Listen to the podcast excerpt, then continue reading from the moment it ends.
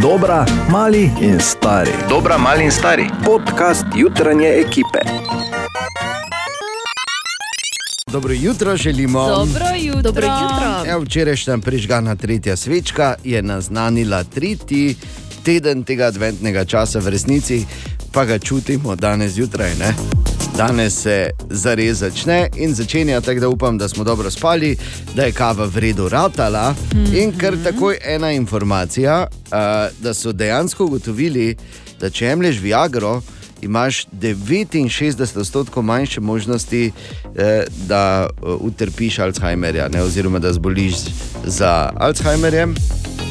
Tako da ne bi kazano očitno, ampak eh, vsaj za enega člana jutranje ekipe je jasno, da ga bo prej izdalo telo kot um. Pač dobra novica. Listamo malo po zanimivih naslovih na ta tretji adventni ponedeljek, mimo grede, dosti bolj nežno se sliši ponedeljek, če rečeš, da je adventni. Ne?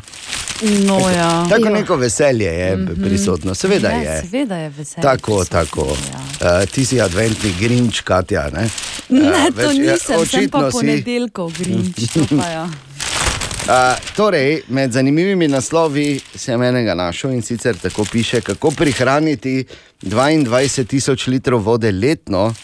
Smisel, to je res preprosta rešitev, v naši regiji samo moramo začeti malo bolj čisto piti. In tu je eden od vrhuncev tedna, ki se pri nas zgodi že v ponedeljek zjutraj. Horoskop za cel teden. Jej, Jej. uh, to Katja. S tem navdušenjem vam bom še kaj stran vzela. Težko še kaj, potem ko moramo to trpeti. Ampak no, dobro, gledaj. Daj, daj, daj. Za mnoge je to pomembno. Tako, Izvoli. in pred nami je teden sprememb, tako pravijo zvezde.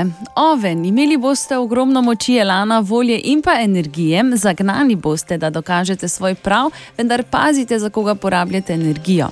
Bik, čeprav nekaterih stvari ne razumete, to še ne pomeni, da se jih morate na vso moč oklepati. Konec tedna vam prinaša sprejemanje zelo pomembnih odločitev, planeti, planeti vam bodo pomagali, da boste sledili svojim sanjam. Dvojčka. Čas, čas bo, da pokažete, da znate biti tudi odgovorni. Sodelujte in ne odlašajte s pomembnimi odločitvami. Rak, bolj boste usmerjeni v družbo in družbeno dogajanje. To vam bo dalo možnost, da boste bolj konkretno oblikovali svoje stališče. Čakajo vas fini premiki na ljubezenskem področju. Lev, svoj šarm in svojo srčnost boste v naslednjih dneh nekoliko postavili na stran. Čas je, da pokažete svojo moč, odločnost in voljo. Ne ozirajte se več nazaj. Devica, Pred vami je obdobje, ki vam bo prineslo več resnosti in več skrbi. Čeprav si tokrat res želite pomoči, boste ponovno za vse morali, oziroma boste ponovno vse morali opraviti sami. Na osebnem področju naredite kakšen korak v drzni smeri. Tehnica, veliko stvari se vam je nabralo in vse to vas močno duši. Obdobje, v katerega vstopate, zagotovo ne bo prineslo veselja in lahkotnosti. Super. Vidiš, kaj se zgodi, ko ne Grem kar, maraš horoskopa? grem kar domov, pa se vi sami. Škorpion, niste še pripravljeni na naslednji korak. Tistega, kar si močno želite, še ne boste dobili, poskusite še enkrat počasi in bolj preudarno. Strelec, čaka vas kar nekaj sprememb, tako pozitivnih kot tudi negativnih. Sposobni se boste spopasti z vse, vsemi in vse skupaj boste. Pogledali veliko bolj optimistično. Kozorok, pazite, da ta teden besedne, besede ne bodo preveč ostre, saj zaradi Ostre. ostre. Ostra bom. Pravzaprav mora biti oster, o, veš, ker je ostrivec gor. Pa- In če rečeš ostro, če rečeš ostro, ti noben ne verjame. Ja, pač Tako tu- nasplošno, ne za ta Ne, horoskop. ne, ne, Je čisto pač- zredo rekla, ker to je tako isti moj liniji kot horoskop Oh, je." moj bog, ostra. Ja, pardon, mislim, tisti, ki je brez napake, naj prvi vrže kamen. Ja, Marmelada. Dakle, imam prilike biti. Ja, Izklapljam pa vas, putar. pazite, torej kozorok, pazite, da ta teden besede ne bodo preveč ostre. Tako. Saj zaradi teh lahko izgubite koga pomembnega. Boste pa ta teden rešili veliko nesporazumov povezanih s preteklostjo. Vodnar, v tem tednu Ki je boste. bogata, prijani. V tem... Eh, pa dobro, no. Kaj je to zdaj? bilo? vodnar. V tem tednu boste večino svoje energije usmerili v urejanje osebnih stvari, svoj fokus boste usmerili v zaključevanje projektov, in pa ribi, še en, ki hejta horoskop in dobi to. Potrebujete več časa za počitek, pazite pri težjih dejavnosti, niste še pripravljeni. Vaše srce bo proti koncu tedna nemirno. Kaj, kaj lahko vrnem, jaz moj znak pa zamenjam z z doplačilom za kaj drugega. Zakaj si sekiraš, Bor? Če si sekiraš, je zmagala.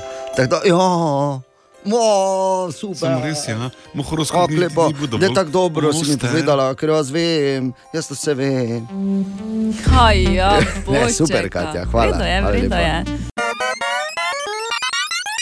Tri minute čez pol sedmo, 36 minut, zakaj približno, ker še vedno par sekund manjka, pa se mi ne da. Pa Samo se zdaj, samo zdaj full besed porabo za to, ne? Ja, glej. Dobro jutro. Dobro jutro. Dobro Dobro jutro. Boljše, da rečeš približno, kot pa si okregan, da si rekel na robe. Vidiš, Ja, vidiš. si slišal, Bor? To je ključ do uspeha, mi pa za celo življenje mučimo. Samo približno bi morala začeti delati. A ja, ne, ti to že počneš. Dobro jutro. Dobro Dobro jutro. jutro. A, še v eni izjemno pomembni dejavnosti, oziroma industriji, kakorkoli želite, so ta vikend podelili globalne nagrade. In sicer dobili smo igro leta, oziroma igre leta po posameznih kategorijah. In eh, tu morda kot namig, ker recimo pri nakupovanju iger dan danes več ni nobenih zastojev, ne rabiš čakati na poštnino, razen če. Ne vem, po kakšni logiki pa če kupuješ fizične igre, ker dan danes gre to klik, klik, puf, puf. Ne? Po nobeni, ker je zadnja firma, ki je fizično prodala, šla v stečaj že. Tisti GameSpot, ne? Spomniš No, no, vse dobiš še za Nintendo, Switch in uh, podobne, se še vedno dajo kupiti tako fizične igre, ampak se pravi, klik, klik, puf, puf. In igra leta, mo- morda seveda kot ideja za kako darilo ali pa tako za zabijati čas eh, med temi prazniki. Igra leta je postala igra It Takes Two. V kategoriji Deadloop, Metroid Dread, Psychonauts 2, Ratchet and Clank, Rift Apart in pa Resident Evil Village. To so bili finalisti. It Takes Two pa je res fenomenalna ideja.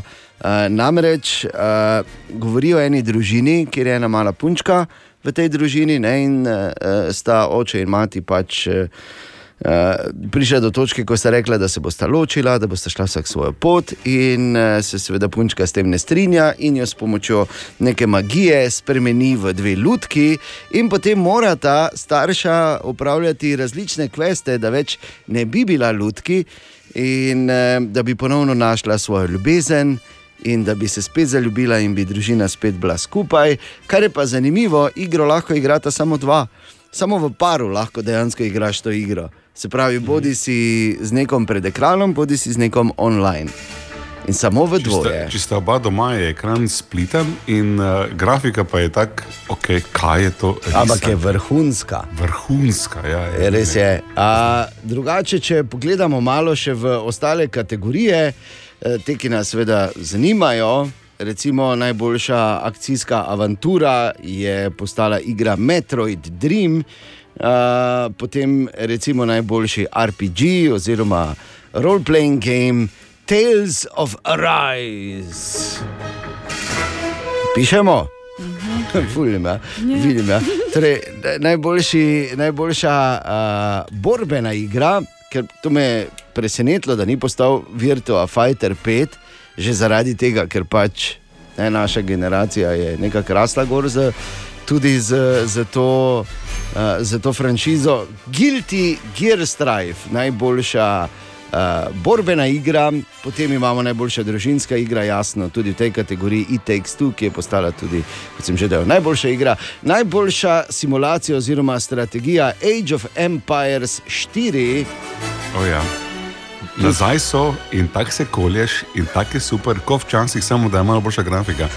Pa, ve, pa, še, pa, pa zopet, ko imaš ne, neko drugo nacijo, se vsi tam, ko nabirajo les, pa to japonsko menijo, ali pa kitajsko, ali pa mongolsko. Je dobro, ne? whatever. Ja. Kar je zanimivo, da je tu, eh, sem jaz računal, da bo Evil Genius 2, World Domination zmagal v tej kategoriji, že zaradi naslova pa tematike. Ne? Najboljša športna igra, ki je premagala tudi Formula 1, 21, pa FIFA 22 in tako dalje, Forza Horizon 5. Lahko rečemo, kar pričakovano, najboljši multiplayer It Takes Two in tako naprej. Ogromno je še teh kategorij, lahko pogledaš sama, oziroma sam, ker vidim, da te ful zanima. Ne, ampak moraš vedeti, Dejan. to, to je Ti dejstvo. lahko prosim zaploskam, ker tako dobrega radijskega termina nisem čul že leta. Pravim res. ti, vem, ja, Kvalitetne vem. informacije, Hvala, kolega. hvala. Bravo, bravo, bravo. Hvala. hvala. Sveda pravi poznavalci, ljudje z občutkom znajo ceniti kvaliteto. Tako je. Bravo še enkrat. Ena od treh, treh, treh. Jutranji sprehod po zgodovini popularne glasbe. 13. december, dan, ko praznuje Taylor Swift. Ja, ja. Tu ne moreš nič, ker eh, Taylor Swift je, eh, je res vrhunska in kaj je ona vse naredila v relativno kratkem času, odkar je na glasbeni sceni. Moramo vedeti, da danes praznuje komaj 32. rojstni dan. Pa je že, ja, res je ona že pri devetih je začela v muziklih eh, prepevati in nastopati na odru. In poslušala še najo Twain in rekla, jaz bi tudi enkrat bila taka, no zdaj je pa seveda še najo že zdavnaj presegla, eh, vsaj po. Uh, Vsaj po, po tem, kako popularna je po svetu, koliko številka je na, na listvicah in tako dalje. Zanimivo, da je eh, svojo mladosti preživela na kmetiji, eh, kjer so v bistvu celo leto gojili jelke, da so jih lahko pol decembra prodajali. No, mislim, pač imeli so jih ful, ne? Se ena jelka v enem letu zraste. ne. Ampak hočem povedati, da so se samo s tem ukvarjali. Dobro, Božali, pa se veš, pa se menili, pa ona jim je prepevala, da so lepo rasle. In potem se je odločila, da bo začela svojo kariero najprej kot country pevka. In recimo to je ena od njenih prvih uspešnic.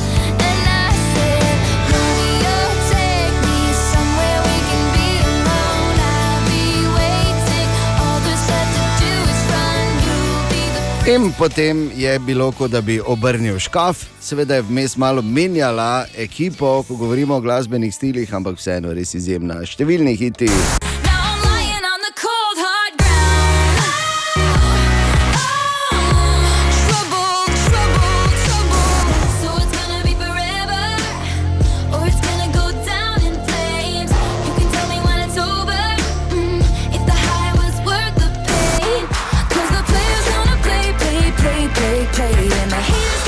Skratka, ta seznam lahko gre v nedogled. Taylor Swift je danes stara 32, želimo vse najboljše in Bor, Vse naj naj. Bor Taylor sporoča, kol mi. Si rekel prav? Ne, tako moš. Call me. Joši, nikoli ne bo prišla niti v Ljubljano. To je bila Taylor Swift, ki je danes stara šele 32, pa nimaš več kam, veš, kaj je to. To je tako kot Aleksandr Veliki, ko je v bistvu eh, videl širjave svojega imperija, se je sesedel in zajokal, kajti ni ga bilo poznanega ozemlja, ki bi še ga lahko zavojeval. Wow. Ker problem, ne, bolj poznato, on temu pač reče četrtek. Jaz sem ga tolažil tri Tak, tedne. Pa to ti pravim. Šti- kak je to. Ja, glede na to, kak je bil Aleksandr Veliki, ne bom si ne upam vprašati, kako si ga to lažo. Danes je ponedeljek, 13. december, ponedeljek 13. No, ja. Se ni petek. Jaz, glej. Tako kot je, kar je za nekoga petek, je za drugega ponedeljek. Ne smeš pozabiti. Okay. Ampak Res, pokaži mi ga, prosim. Še en od onih stavkov, ki bi jih lahko vem posneli. Bor, veš, je mali iz konteksta. Ko je Bor Ma- prišel do predsednika in kaj mu je rekel, pokaži mi ga, prosim. Veš, mislim, tak, ne. To je, zakaj Bor ni dobil ne, nove osebne, zato ker je oni na šalteru na občini rekel, pokaži mi ga. Vse veš, to je dobra fora. Ne dogled lahko. Ana, razumeš moj namik? Jok. E, pač Razumem začni rezati. Mislim, nočem ga razumeti. Ja, ampak tako je. A, okay, ampak eh, v nedeljo, prav vedno imamo v nedeljo na Instagramu en poseben kviz, ki ga popularno imenujemo nedeljski kviz na Instagramu. Ne? Ja, Kako bi ga pa drugače? Smo res brainstormali, imeli Ja. res bravo. Instagramski nedeljski kviz bi lahko eh, ali, pa, ali pa samo uh, Instagram v nedeljo. Ne. Okay, ne, Ne. jasno. In seveda so mnogi sodelovali tudi tokrat, moramo pa na kratko preveriti, kako smo mi poslušali sami sebe v prejšnjem tednu. Slabo bi rekel. Ne? Kako izgledajo borovi službeni copati? Aha, to, je bila, uh, to je bilo torej vprašanje povezano z uh, tem, kar smo mi imeli zjutraj. Tako, pa še eno imamo zjutraj. Resno, Ja. ja? ker to vemo. To je pač tigrasti, so pa premali. To- Tako, bravo. Kdo iz jutranje ekipe ne je sladkorne pene? Tudi ni težko ugotoviti. Ne? Čakaj, Bor, Samo ta prava veš? dva ne jeta. Dva sta, zakaj? Ja, To je prava dva ne jeta. Ti pa da. Okay, torej, Katja, kdo je pravilno odgovoril in si ga ti že rebala, oziroma jo? Ana Urle. Bravo, Ana. Evo, Ana, eh, Marila, radio City je tvoja, te čaka Hvala. In boš prišla, pa ne tvoja, Ana je druga. Ja, Ana. če, mogoče je to moj alter Ne, ego, se ne veš. Ne? Ti že imaš svojih pet marelne, ki sem te videl, ko si nosila iz šefove pisarne. Ja. Veš tako, da je komaj v svojega pižojeka, noter jih komaj dobla v kuferam. Ven so gledali pri Cooperu. Vsako nedeljo, torej na Instagramu, drugače pa je zdaj že ura 9 minut čez 7. Dobro jutro. Dobro jutro. Dobro jutro. In tudi danes zjutraj vprašanje za, za Hajfek. Katja, Miha je pisal na jutro na radiocity.si in eh, pravi tako: ali obstaja definicija, kaj je in kaj ni božično darilo. Naprimer, če prideš v spalnico v Adamovem kostumu s pentljo na privatnem Aj, delu, aj. ali se to šteje kot darilo? darilo ali delo. Ne? Vse veš, ker imaš. Uh, Ja, pa odvisno, v katero spalnico. Ja. pa, od, pa odvisno, kako se- velika, kak velika je pentlja. Presenečen, če so z okni gor ali ne, ne? ker recimo z okni. pa so- Ja, morda, no, pa tako nam je dobro šlo. okay, torej, uh, vprašanje je vprašanje. V Hajfektu še nismo zavrnili niti enega, tako da Miha dobiš odgovor. Aha, aha, aha, aha, aha, aha, efekt. Torej, Miha je pisal in uh, vprašal, to se mi zdi, bi to vprašanje bi lahko kot dvopartitno označili. Prvi del je dokaj resen, Miha sprašuje, ali obstaja definicija, kaj je in kaj ni božično darilo. In drugi del, ko da Miha primer, da se ponudiš v pentli. Oziroma s pentljo. Pa dobro, no, moče je malo šaljivo vprašanje, ampak Ja. ja.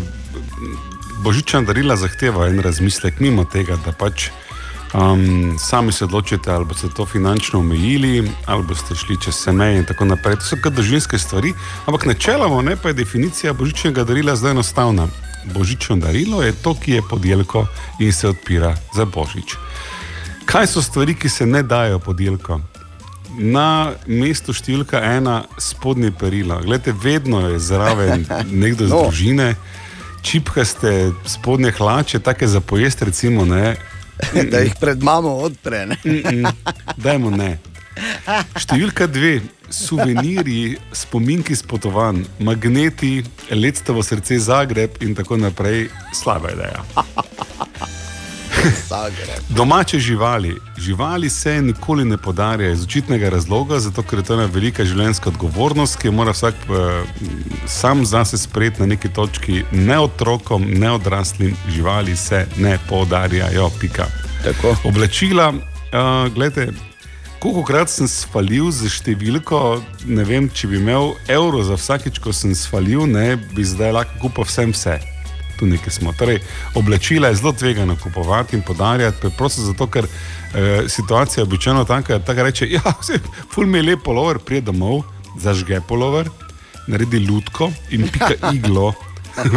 v lutko s to podobo celo leto, ne, da slabe da je oblačila. Ali CD, pa, DVD. ali pa tudi moraš vedeti, bolj samo to, še, ko si rekel, oblačila. Ne? Če jih kupiš, pa je to zelo tvegano. Ne? Ker A od tebe se pričakuje, da poznaš njeno številko konfekcije, tipični moški, seveda ne poznaš številke konfekcije ženske, to je meni Normalno, ne. jasno, niti ne številko modrca, niti nič. In pol, če jih kupiš premalo. Aha, zredila sem se, aha, tako je. Če kupiš preveliko, pojma nimaš, a tako me ti vidiš. Tako da, ja, Ne Bor, more zmagati, moreš. ni. Beg. Podobno z CD in DVD, halo, iz katerega stoletja ste. Denar se tudi ne podarja, eh, čistila se ne podarjajo. In še ena taka zadnja stvar, ki moče ni očitna, ampak dajmo si ne podarjati sveče, prosim. Jaz bi se samo vrnila nazaj tam, Ja, pri na pentljo. konfekcijske številke in podobno. Ja. Kaj če bi si pa enostavno zapomnili? Joj, Katja, veš, da si je. Natalija, eh, mislim, Natalija! Natalija. Če Bor si ne more si tvojega imena zapomniti. Natalija, poslušaj me dobro, zdaj šanse ni, ne, da gremo v trgovino, pa ti na osemkrat probaš iste številke, pa se te ene prav, ene pa ne, te pa ne jaz vem to. Že to, že to, da to veš, je Bor si v moji knjigi skočil za dve stopnički gor. Že da imaš to informacijo, bravo, Bor. Ali tudi vi pogosto totavate v temi? Aha, efekt, da boste vedeli več. Ko je božič, naj bo božič za vse. Ja, naša največja dobrodelna akcija že 18 leto zapored, tudi tokrat v decembru. Štartamo drugi teden in letos se sploh trudimo, da si še bolj pokažemo v teh res čudnih časih, v katerih smo še vedno, da smo tu drug za drugega. Bor, Današnja božična zgodba je zgodba dveh sester, Nataše in Valerije. Sestri ko sestri. Ma ja, tako kak so sestre. Včasih smo se kregali, včasih smo si bile dobre, ne? Razlaga Nataša, ko se spominja dolgih let njune povezanosti. Načeloma smo kar povezane, se kar druživo, se probamo si pomagati ena drugi, ker smo zdaj pač obe dve postojali v taki situaciji, da jaz sem sicer pred desetimi leti sama ostala, ona malo zdaj bolj pozno, ne za mano, par let in pač vem, kakšna je njena situacija in ker sem bila sama na tem mestu in pač nekako hočem pomagati, koliko je lahko. Ne. Žal to, kolikor ji lahko pomeni čas, pomeni razumevanje, ne pa tudi denarja. In mati, ki šola dve deklici, mlajša je še v osnovni šoli, starejša je že v Ljubljani, rabi tudi sredstva. Danes jih s pomočjo podjetij Neurot, Fortisagro in optike Julius hvaležni pošiljamo na njen in še nekaj podobnih naslovov. Sama je ena plača, rečemo, za ta trgovska, koliko imajo te trgovke, ne, dva otrokeca. Ne, in vem, da je večkrat težko, verjetno, ne, da je zelo težko priti z enim dohodkom skozi. no. Najmina, položnice, žal preživnina niso redne ne, in potem poznam, kakšna je stvar, ne, da je zelo hudo včasih, ne, da moraš prešteti evre do konca meseca. prešteti vsak evro. Zarezalo se je to v mene, ko smo se z Natašo pogovarjali o tem, da Valerijo življenje letos pritiska ob tla teže kot njo.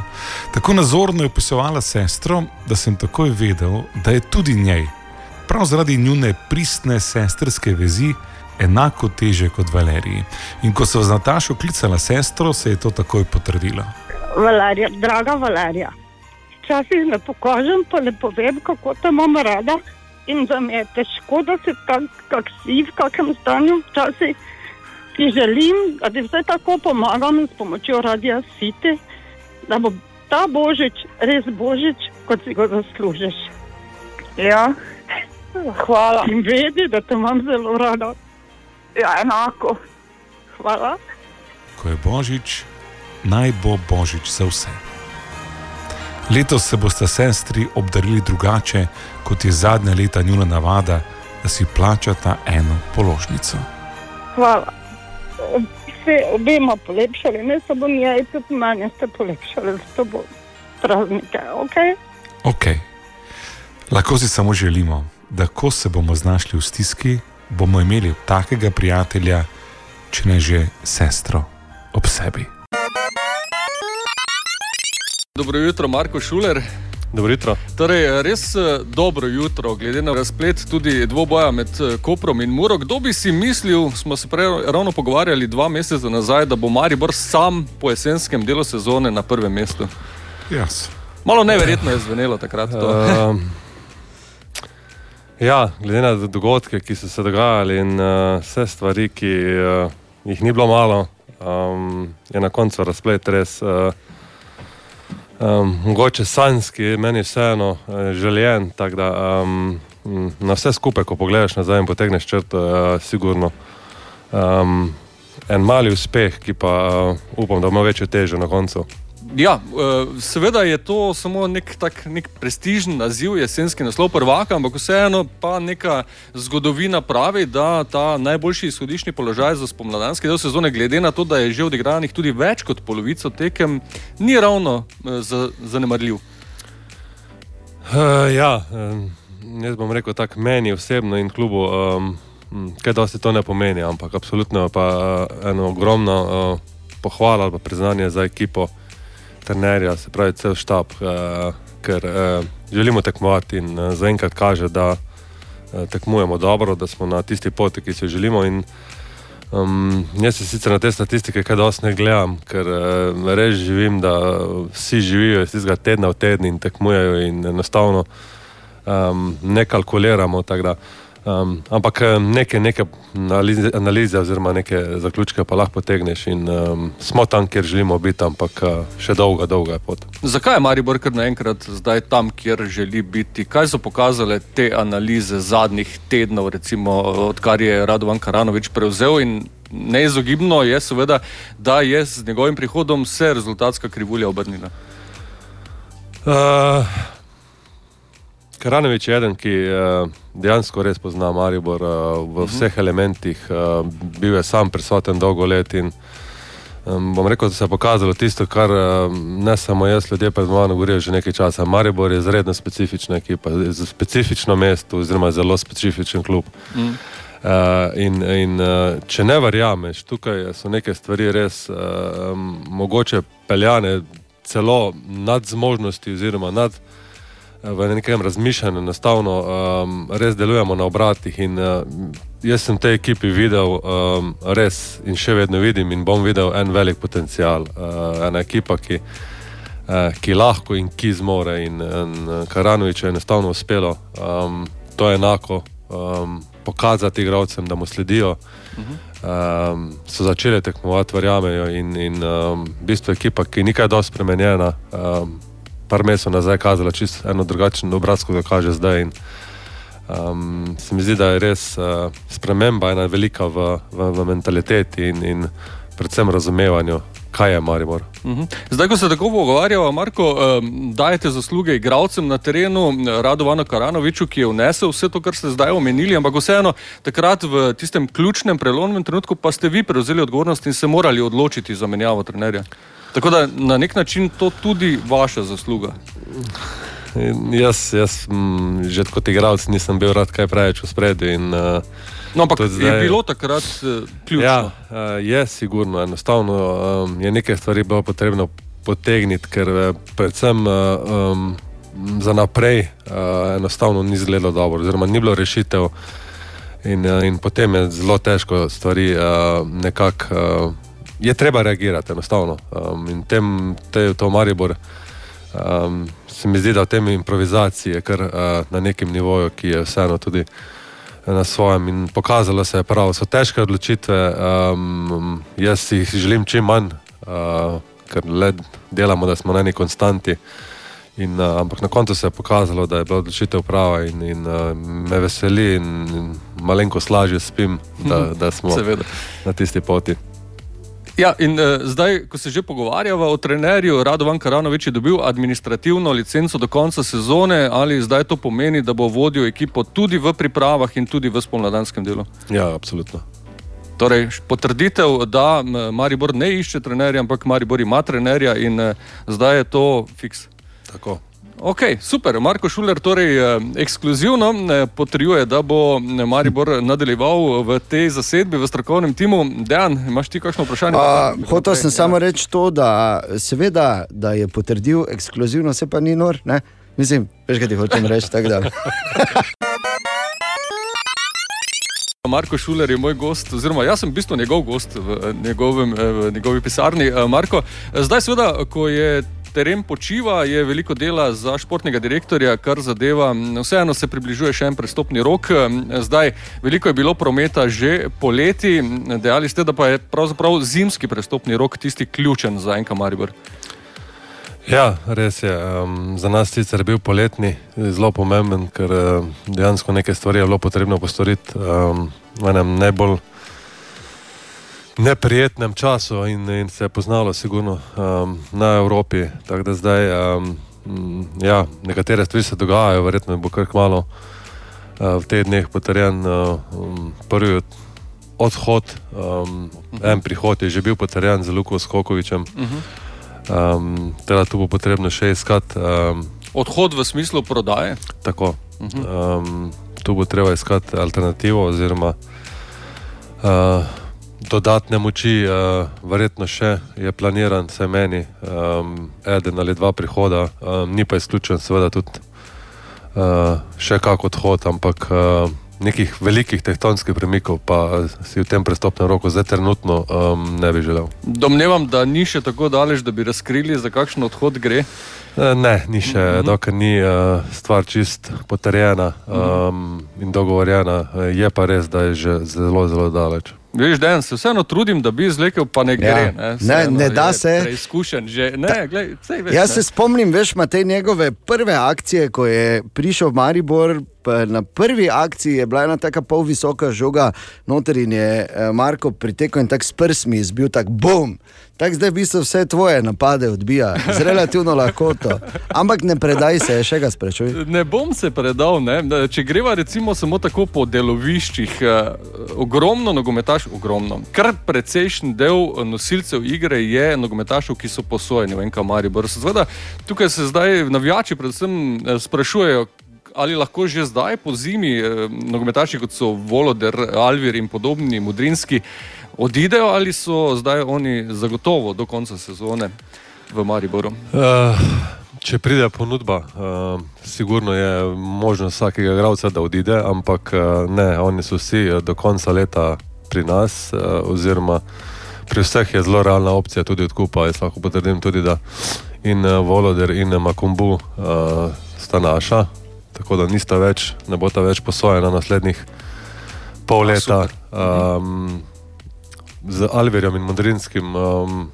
bomo pa v pogovorih. Um, um, mislim, da je zelo ve velika možnost, da um, grejo pogovori uh, z Modrinskim tudi v, v smer, da uh, ostane pri Mariboru. Tako da um, bi rad ustvaril neko jedro, neko stvar, ki um, to je bila ena rešitev, ki smo pač morali uh, se poslužiti, tak je en tak specifičen prestopni rok. In, Mm, mm. Um, dejansko smo potrebovali um, na koncu tudi malenkost izkušenj, Tako. uh, da lahko tekmujemo. tako Da, Mm.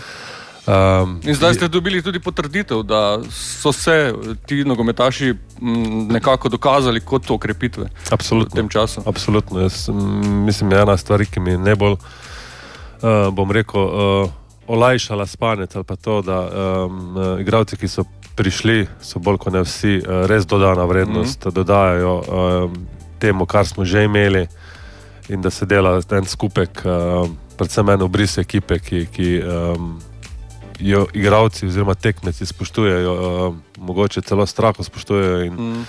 um, Maribor počasi dobiva obrise tistega, uh, kar si želimo. Super, e, tak, to je vidno absolutno tudi na terenu. E, zdaj pa imamo drugi del igralcev, ki pa so pod pogodbo, ampak se jim pogodba izteče po koncu te sezone. In tudi tukaj imamo kar nekaj nosilcev igre, govorim recimo o Blažu Vrhovcu, e, Nemanja Mitrovič, e, če se ne motim, tudi e, Nino Žugel. Kako pa je s temi nogometaši? Uh, v bistvu moram povedati, da samo uh, Blaž. Zaenkrat uh, se pogovarjamo, oziroma želimo, da bi ostal edini, ki nima podaljšane pogodbe, Aha, vsi okej. ostali uh, Super. so že podaljšani, ampak uh, um, čakamo moment, da mogoče objavimo vse skupaj, oziroma naredimo to skupaj. Um, tako da so nekateri pogovori, um, je pa absolutno, kot sem rekel, ekipa je um, tržno, po mojem, zanimiva, kar nekaj interesov je. Bomo videli, prestopni rok, oziroma to glavno se šele začenja um, po novem letu. Recimo. Nedvomno bo Maribor, eh, če boste ohranili jedro ekipe, in zdaj kaže, da se bo ohranilo jedro ekipe. Eh, Kaj pa eh, nakupi, ali je Maribor tudi sposoben kaj kupiti na trgu, ali mm, bo iskanje rešitev, recimo v primeru odhodov, bolj v smislu nogometašov, ki so prosti na tržišču? Uh, Maribor nikoli ni bilo, tudi v tistih zlatih dobi ali pa v tistih bolj uh, bujnih časih, pa let nazaj, ni bila ideja um, posluževati se nekih nakupov oziroma uh, da bi na tem temeljilo, ampak so bile bolj kot ne izjema in enako je zdaj. Uh, um, bomo iskali rešitve, oziroma se že veliko stvari je že pripravljenih, se ne dogaja to čez noč, oziroma kar tako na hitro, tako da za neke stvari uh, absolutno je pripravljeno. Um, bomo videli, vse je odvisno od fantov, ki bi šli, um, nekatere ukrepitve, ki so bile planirane. Um, So v, v fazi pogovorov, tako da um, vse to je nekako plansko, in, in uh, je pa res, da um, nekih bajnih denarjev v tem momentu, uh, prvič smo v času ene racionalizacije, drugo Mm. je pa le koronski čas in Maribor to ni izjema. Morda samo še na kratko eh, plan priprav za spomladanski del sezone. Eh, plan je podoben kot v preteklih letih, le da se začne malo prej vse skupaj, kajti vseeno prvenstvo se bo nadaljevalo že v prvi polovici februarja, eh, priprave pa glavni del v Turčiji. Ja, malenko se premakne naprej, um, začnemo malenko hitreje, se pravi, že takoj po novem letu se kar zberemo, um, kjer se začne z aktivnostjo in potem seveda 19. Uh, odhod v Belek, um, standardno bazo in seveda začetek uh, prvenstva z, z začetkom februarja takoj um, Večni derbi. najlepša tekma. Ja. Ja, seveda, eh, morda samo še eh, že znani kakšni tekmeci v Turčiji. Ja, je že dogovorjeno. Um, um, začetek za tri glavom, oziroma um, malenkost lažje tekme, potem pa seveda tudi, uh, že tudi ugledni, kot je Zvezda, uh, Astana in tako naprej. Tako da bo kar, uh, mislim, da je planiranih sedem um, pripravljalnih tekem, tako da um, bo pestro. In ko listamo med zanimivimi naslovi danes zjutraj, pazi to, š, tako piše, dobesedno. Šok, dvopiče. Gospodična je v lupani mandarini videla Jezusa na križu. In ko si to prebral, je bila prva misel, kaj neki je ta boga boječa gospodična vzela vse. Veš, advent na vsakega deluje drugače. Web, web, web, web check. Katja, dobro jutro. Dobro jutro. Dobro jutro. Martin Strel se je lotil novega projekta, ki ga je poimenoval 50 za 50 in sicer o 50-letnici državnosti Združenih arabskih emiratov bo preplaval 50 km, torej Dubajski vodni kanal, ki ga do zdaj ni preplaval še noben. Noro. Točno to rabijo. Ja. Veš, Ja. Da ti en sod cvička, tam pač uh, plava prek. Lepo, Dejan. super. Ne? Okej. Ful potrebno. res. BBC je v nedeljo prvič zavrtel dokumentarni film Najnovejša zgodovina Rusije, v katerem je Vladimir Putin med drugim priznal, da je v 90-ih letih na črno delal kot taksist. Pa se mi je zdelo, Undercover, medtem ko je bil pri KGB-ju, ne pa jih par. Bog si ga vedi, ne? kak je to je ono taksi, ko smo rekli zadnji taksi. Kdo ima Ja. v torek zadnji taksi, vlado ima, ok, Pa vlado. V torek imaš ti, pa naslednji četrtek. Ne? In pa Lewis Hamilton, torej letošnji zmagovalec Formule 1, je v sredo povabljen k kraljici, ta naj bi mu nadela naziv viteza. No, se je že Torej čas bo bil. Sir Lewis Hamilton. Tako se pa je ne na zadnje najboljši vseh časov. tako Da, po rezultatih, seveda, da ne bo zdaj koga kap slučajno. In jaz bi samo še to dodal, da mu je res treba čestitati, kako je v bistvu dostojanstveno prenesel vse skupaj, kar se je dogajalo v nedeljo, in tudi to eh, nekako izraža, vsaj na vzven, no, kar smo videli in prebrali in slišali, eh, pač veličino nekega posameznika in športnika in pravega džentlmena. Tri minute pred pol sedmo. Za koga neki sem te jaz navijal, zdaj se to ne moreš. Kako neočitno. Ja, res. Web check. Pa me zanima, kdo si je uh, včeraj nabral polno košaro izpolnjenih želj, ki je, ko je opazoval Geminide zvečer. Jaz sem probal, moram reči, pa sem, uh, torej, včeraj je bil tisti večer uh, utrinkov, ko pač ti uh, letijo preko. Uh, in uh, jaz sem včeraj probal, pa zdaj ne vem, ali sem slep, ali pa je bilo oblačno, jaz nisem videl nič, pa sem imel pripravljen šakl. Ne? Tam vsaj, vsaj nekje do srede aprila, veš, da imam želje tako na 2-3 dni, da se mi izpolnjujejo.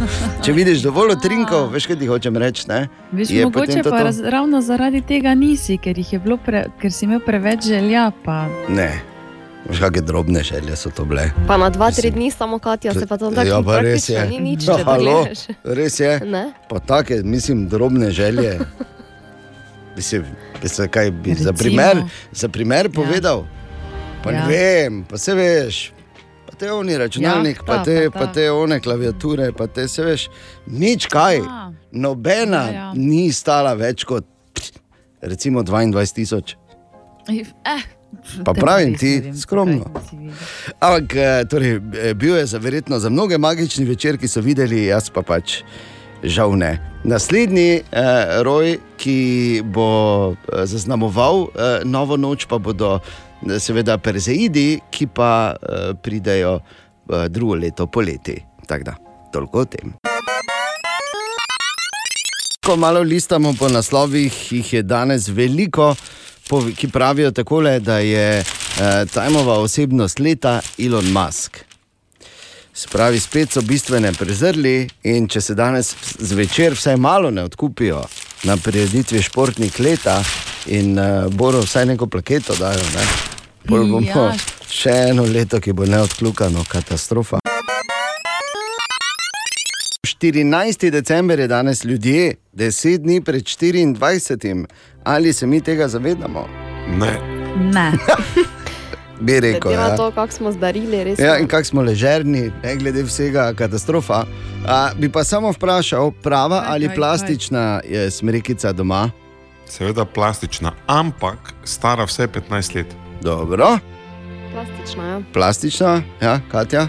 Prava. Va, seveda, Katja gre tam čez nivo, prek do šume, Sekiro. seka jelko in jo zvleče. Ne, Vseka, Vse je ja, natur. Pocne stisne pa jo ne vleče. sekiro, sekaš, ne? ali Ja. kaj delaš ti sekiro. A Ja, upam, da Seka, nič. ja. Upam, da nič ne Upamo, delaš ti. Ja, res, ja. Ampak pravijo vseeno, eh, naravna, to je zdaj edina v naši ekipi Katja, tudi jaz imam že leta in leta plastično. Naravna je vseeno, eh, če pač pustimo ob strani ta ekološki moment in da si pač ubila drevo, ne, zato da eh, pač tri tedne tam stoji. Ker bolj Saj- koga, je kaj se bolj tako skurite, ne? Ne moreš vedeti, katero drevo lahko. Ja, ubiješ. seveda, seveda. Ja. Moraš vedeti. Kaj- Tako kaj tisto to ta lepo. Ta lepo, ja, ne? ne, ne vsakega. Ne, seveda. Ne. Gozdarsko izkaznico. Pa, ge, eh, Katja je dolga leta na GG-ju delala, za vse, ki ne Tako, veste. ja. Tako.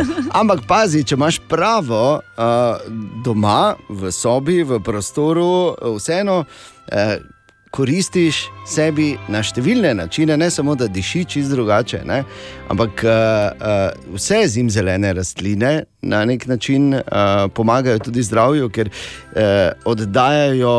Uh, Te antibiotske substance, ki med drugim pomagajo krepiti in aktivirati naš imunski sistem, a, zelo dobro delujejo tudi, če imate težave z depresijo.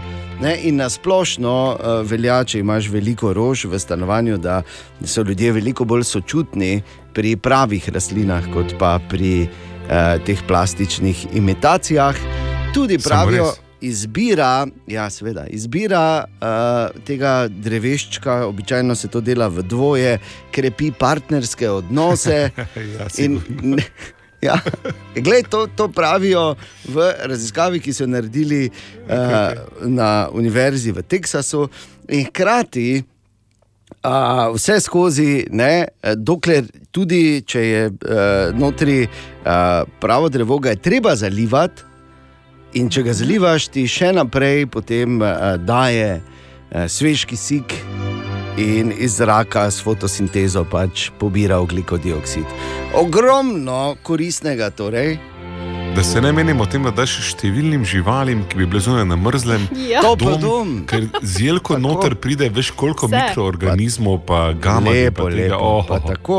In eh, res je, da mi nimamo s plastičnimi jelkami uh, vseh teh benefitov, uh, je pa res, da tudi zato nimamo lubadara. Ne? In ne bomo prišli 6. januarja dol, pa nam bojo poželjeli vse fronte v kuhinji. Tako da toliko o Ja, tem. ziher, ja. Ja, to se ti bo zgodilo. Ja, Da se ne menimo, kako ti moriš po gozdu, ne? morilka.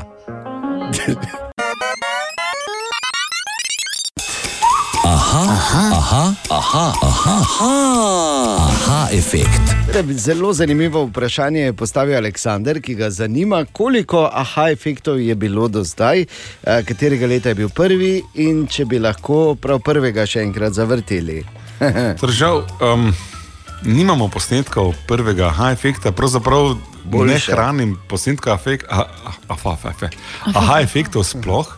Um, zanimivo je morda to, ne, da je rubrika je nastala kot hitrostni izziv, ne kot intelektualni izziv, eh, zato ker pač jaz imam vedno omejen eh, čas, da najdem odgovor, da se gotovo za več časa ali pa za več raziskave najti bolje, boljši odgovor.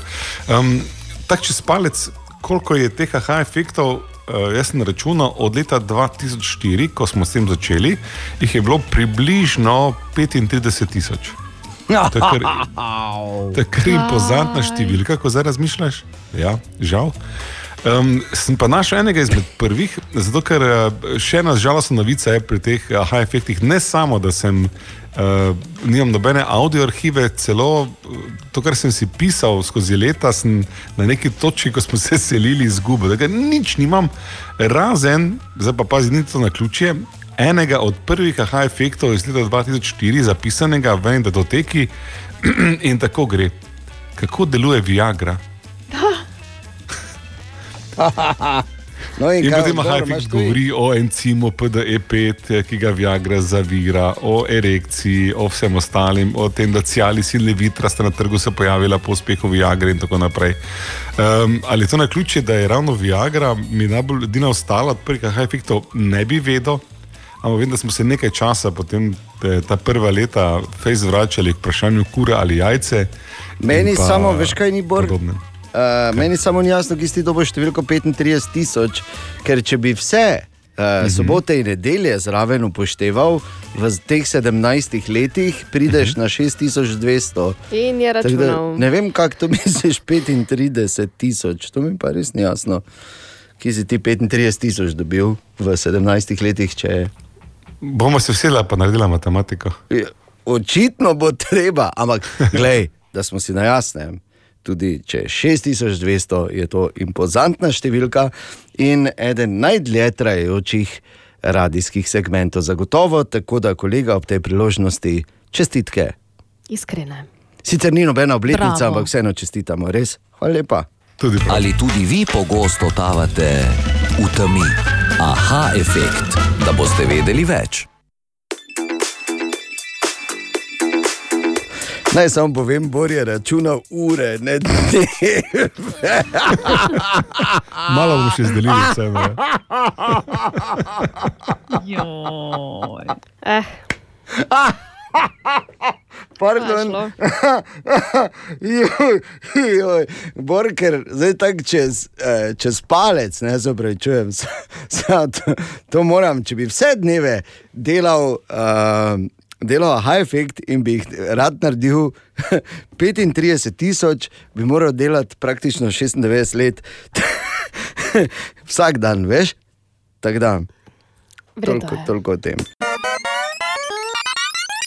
Danes večer bomo dobili torej športnico in let, športnika leta v Cankarjevem domu.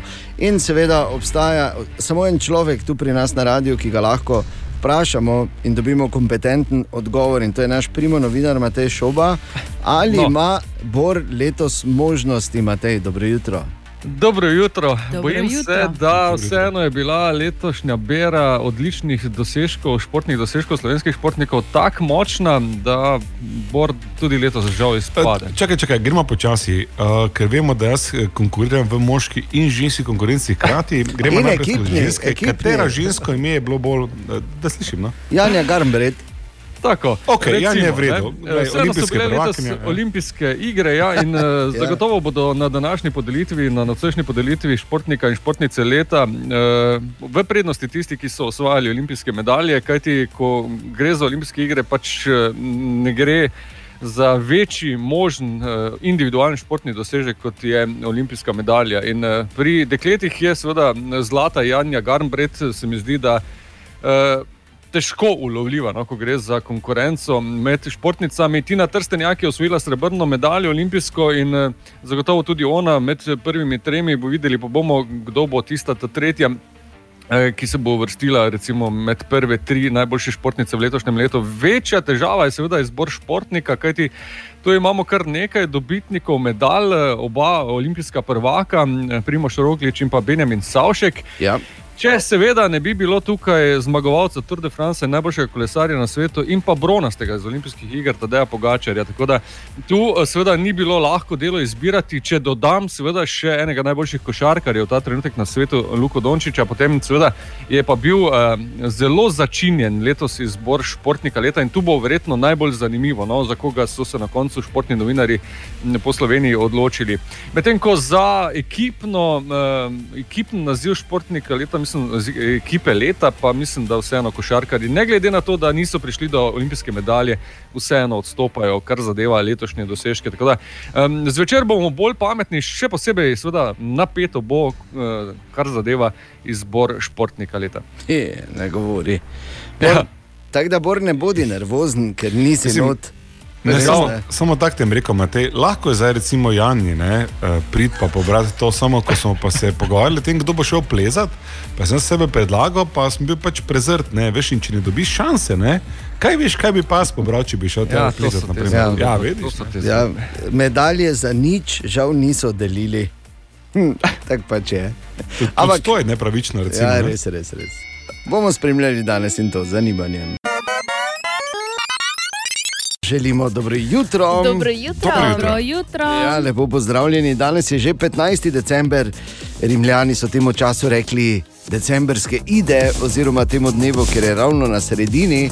E, mi pa temu danes pravimo čas vedno v sranih avtov, pa se to ne moreš verjeti. No. Pa kaj je to? O, ja. O, ja. Pa srane hlače, veš, pa potem bog ne daj, da, da greš med dvema avtoma, pa se potegneš. Joj. Če imaš srečo samo po eni strani, pa imaš celi plašček umazan, pa, če še po drugi, če je osko. Pa imaš na Bog ne obeh daj, da je straneh ta plašček. beli, ne? Ja, joj, tako imam jaz rad beli plašček decembra. Ne? ja. No, skratka, res grozno, pa nič ne moreš, pazi na se in na svoj plašček. Še enkrat dobro jutro. Dobro jutro. Dobro jutro. Tako in pozdravljeni. In danes, torej lahko rečemo, manj kot 10 dni do 24. oziroma do božičnega večera. In eh, kmalu bodo, žal moram reči, tudi prazniki za leto 2021 mimo. In eh, ne vem, ali samo, samo jaz to, ali, ali, ali, ali res leti. No? Sploh ne vem, kdaj sem vuf dela mimo mene. Ja, samo, če ne bi že preden se je sploh prav začelo govoriti o tem, da je mimo. Ne, ne, vse tako smo že v bistvu tretji adventni teden teče. Ne? res. In uh, kot se reče, fuf. Pa že moraš začeti razmišljati, da bo treba darila tudi zaviti. Ne glede na to, kakšna so, za kakšno politiko se pač odločiš doma, ne, ali gre za drobna darilca, pač gre za avto, ne bo tako se boš da. Ja, pa, Ja, Seveda, ne. ali pa neki čovnek, mislim, nekih 12-13 metrov, se ne več. Pač to, kar se da. Ne, ne ampak eh, brez heca. Uh, danes zjutraj se malo pomenimo tudi na naših družbenih omrežjih na temo, katero darilo ti je bilo do zdaj najtežje zaviti in morda kako ti je to uspelo. Jaz moram reči, da sem absolutno, verjetno eden od treh najslabših aranžerjev v tem delu Evrope. Ko, veš, ko ko, če bi zdaj tako dal darila pod jelko, pa bi prišel gledat, mislim, da se iz sosednje ulice vidi, katera so moja. Oziroma, kaj sem jaz zavijal. Okay. Ker to ni nobenih, eh, nobenih polikanih robov, nobenega furma, nič. Je pa to, ni slabo, se vidi, da si nekaj osebnega v to vložil. Ampak ti povedati, ti ne veš, kaj so muke z zavijanjem, dokler nisi probal pink slona, ki je skoraj naravne velikosti, nobene oblike, razumeš, zavita je. Ja, Kako ne, če je slon, kako nobene oblike. Ja, ja, kot neka taka ameba puhasta je. Je te pa ni slon. Je slon. Sam pač, Samo ni slon, ne. samo ni slon. Ja. A, okay. In ti je ratalo, Pa na koncu se dal mašljico na riliček, gor, ne pa nariliček. Nariliček. Če ni slon, torej ni marilca, ampak mariliček. Mariliček. Katja, Ana, vede, kaj smo kaj zavijali? Katja, Um, jaz vedno, ko je težko zaviti, dam v škatlo in zavijem škatlo. vidiš, to Bravo. pametno. Težko je zavijati kaj mehkega, ne? Ja, mene bi bilo težko zavideti, kako sem jaz mehki. tak. Pač recimo kako mikico ali pa plišasto, plišasto igračko, tisto je kar težko dobiti. Ko, kar je Bor že povedal, tako da Ja. videl sta, videl sta isto. Tako da mogoče, ko kaj mehkega zavijaš, Ana, če se boš naučila, pentljo daš na riliček, Dobro. pa je rešeno. Tako. Pa bom. Tako da, ja, a, a, mislim, jaz sploh ne bom, ker nisem. Meni je vse težko zavijati, tako da ne bom sploh uh, nič izpostavljal, niti ne vem, niti se ne spomnim. Jaz imam zelo slab božični spomin, ne bom rekel tako. Žal moram tako reči, ampak uh, nič za to. Kaj sem zato, kaj slabši, gledaj, kako me gledajo zdaj. Se pač ne znam za zavijati. Pa vse to, pa posod ti za to in zaviješ. Vse že. zato. Pa vse za to. Čeprav je lepše, ko vidiš tako ali pa eno leto, ko sem Cajtnik papir zavijal, ker, ker sem seveda pozabil kupiti. Uh, Ja, ne, ni bilo dobro namerno, ampak je bilo ojoj, pač ki je papir. Ja, glej pač. Ore, okay, torej, na naših eh, družbenih omrežjih, katero darilo ti je bilo do zdaj najtežje zaviti in kako ti je uspelo. Med zanimivejšimi naslovi je danes zjutraj tam zunaj zagotovo ta, da, so, eh, da je Malta postala prva evropska država, ki je legalizirala marihuano za osebno uporabo. Torej ne le v medicinske, ampak tudi v tako, ne vem, zakaj temu pravijo rekreativne namene. Ker če kdorkoli že to uporabljal za rekreacijo, glih nisi.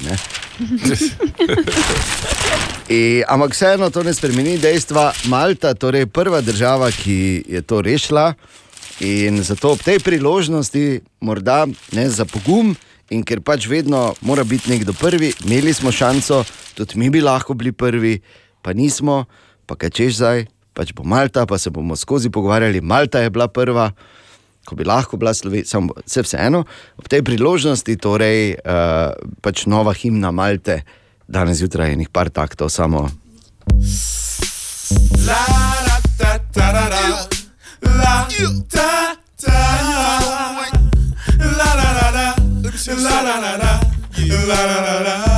ne. Ker če uh, poslušaš, če gremo samo še enkrat, ne, kje je tu Malta, pa še not ne. Še malo, to, to je drugi tekst, pa je. La Malta, la la Malta, la la. Ne, ne, ne, zato je to. Točno Ne, ne. Edino težavo, ki imam pri tej novi himni, je, da ni Malta, ampak je Malta. Ampak dobro, gledaj, bomo že rešili. Aktu, aktualne jutri. Zmotil si se naglasu, Malta? Malta. Mogoče so tako starosilci, vse vseeno. Torej, vreme. Katja. Dve stopinji nad ničlo v tem trenutku v Mariboru, pretežno oblačno ostaja danes čez dan z najvišjimi temperaturami do 6 stopinj. Pa tu tekst La La Malta ni ravno nekaj, čemer bi se držal. Da se sekiraš, veš, kaj se to reši, gledaj, samo malo, na, potegni. Vredo je. Web, web, web, web check. Pa preverimo, dobro jutro, Katja, kaj pišejo. Dobro jutro. Jutro. Začelo se je, Nike je namreč kupil virtualno podjetje, ki izdeluje nef, e, ne, e, ne, be, be, be. NFT Se že bom. to ne si mislila? Hvala, oziroma te nezamenljive žetone. Ja. Tako. za čevlje, seveda za metavers. A, viš, to je ideja. Mislim, to pa, če pa jim to rata, pa jim moraš samo roko dati, da ne bojo niti uh, nič porabili, ne materijala, ne, ne delovne sile, ne nič. Pa bodo v virtualnem svetu prodajali virtualne čevlje, ampak s tem služili čisto pravi denar. Mislim, Ja. ja. ne moramo se mi fejs pritoževati, ker delamo na radio, ne? ampak oni so dejansko za s tem prodajajo zrak, temu so dali čisto druge. Ja, pa če ti pravim, bravo, Nike. Tako ja, uh, mozi našo uh, neumnost. Ja, ja, točno to. Ja, točno to. Če še mogoče nimaš ideje, kaj nekomu kupiti za božič, eh, ti zdaj pomaga tudi Google. Izdali so namreč seznam stotih stvari, ki naj bi bile najbolj popularne za božično darilo. Veliko je recimo izdelkov za lepoto, eh, potem ogromno je parfumov in pa eh, še več aparatov za kuhinjo. Ja, jaz sem pregledal, mislim, ne bi več kot 37 stvari z tega seznama imel tako da. Samo. Ja, no, če ti od pravim, včeraj, pa ja, brez veze. Glej. Kaj boš maile začel pošiljati? Ne rabim, Številke mislim, samo saj zraven Vsak, ki napisane. me pozna, tako ve. Aha, Torej. okay, okay. In pa česa letos ne sme manjkati. Mimo grede, to smisla reči samo Katja, ti, ki poznajo, vejo, tisti, ki pa ne, pa mi lahko denar dajo. Ne? A ja, boš sam kupil. Ja, ja, valjda, ja, tako se to Dobro, naredi. Na TRR kar nakažemo, ali po vertici. Ne, to na TRR gor je pa res malo brutalno. Ja, pa samo- vrtico za stotkico, Ja, dve stotki. ali pa vsaj, ne. če flikneš, pa če eno sporočilo, vesel božič, napišeš zraven. Recimo, ne. A ja, točno, to, to še tudi gre. Ja, točno. No, pardon, si govorila. Ja, česa letos ne sme manjkati na vaši praznični mizi. Bifteka. To je narezek. Francoske. To, to tak ali tak, pa dobro, to je že Biftek logično. Ja, Ana. Ampak v bistvu ne sme manjkati narezek v obliki adventnega venčka. Oh, Če, to pa je Oh. čudovita, čudovita uh, poroka koristnega, lepega in tradicije. Ker če pa kaj še nismo naredili, pa zagotovo še nismo adventnega venčka pojedli. Na koncu adventnega časa. Skurli, da, pojedli. Pojedli pa rešene. Webcheck. Želimo dobro jutro. dobro jutro. Dobro jutro. Veš, nikoli ni samo dobro, tako kot nikoli ni samo slabo. Ampak zdaj govorimo o tem, da ni samo dobro. Česar se seveda zelo dobro zavedamo vsak dan. Ampak pozor, tam zunaj je ena nova nevarnost, ki so jo ocenili z najvišjo stopnjo, uh, torej digitalne nevarnosti za vse največje sisteme. Imenuje se Log 4J, pa v bistvu nas niti nas zelo, zelo poprečne uporabnike ne zanima, kaj točno to, to dela, ali de, ali, ampak nas zanima, kaj zdaj to pomeni.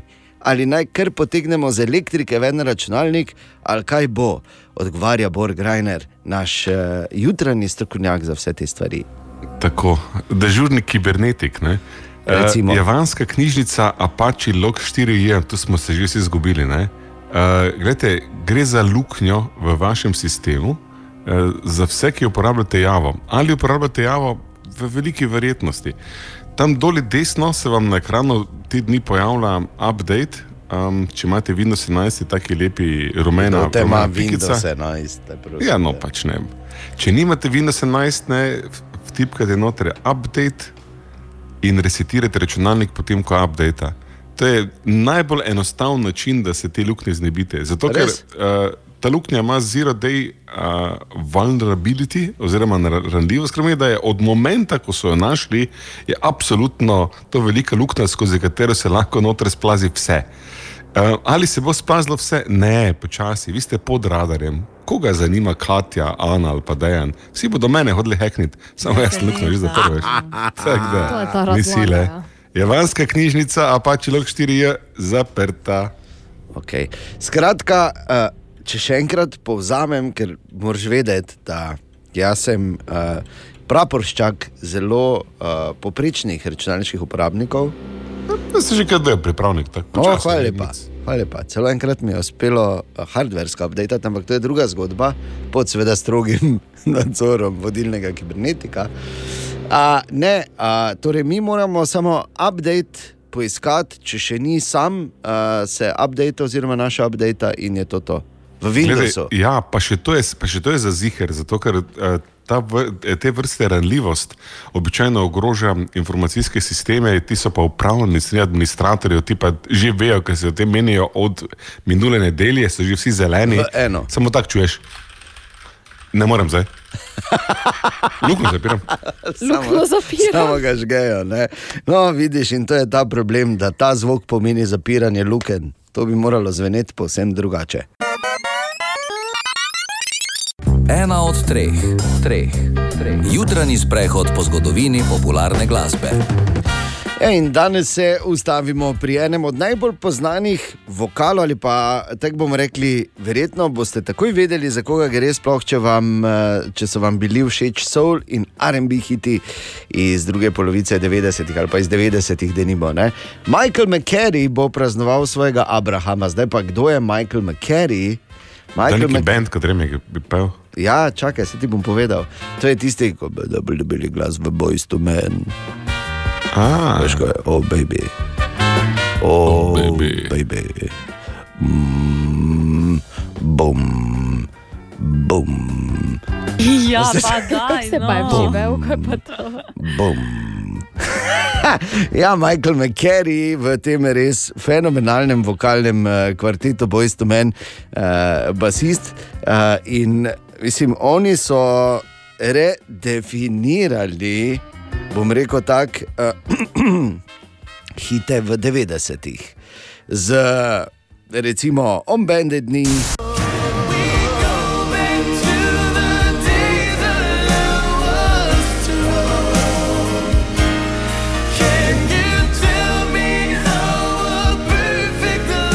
Pa ko so z Marajo Kerry zapeli One Sweet Day.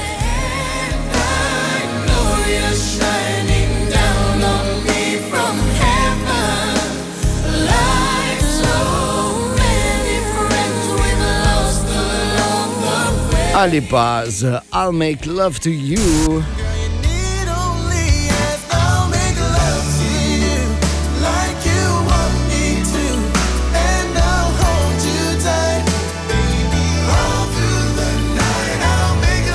In pa seveda End of the Road.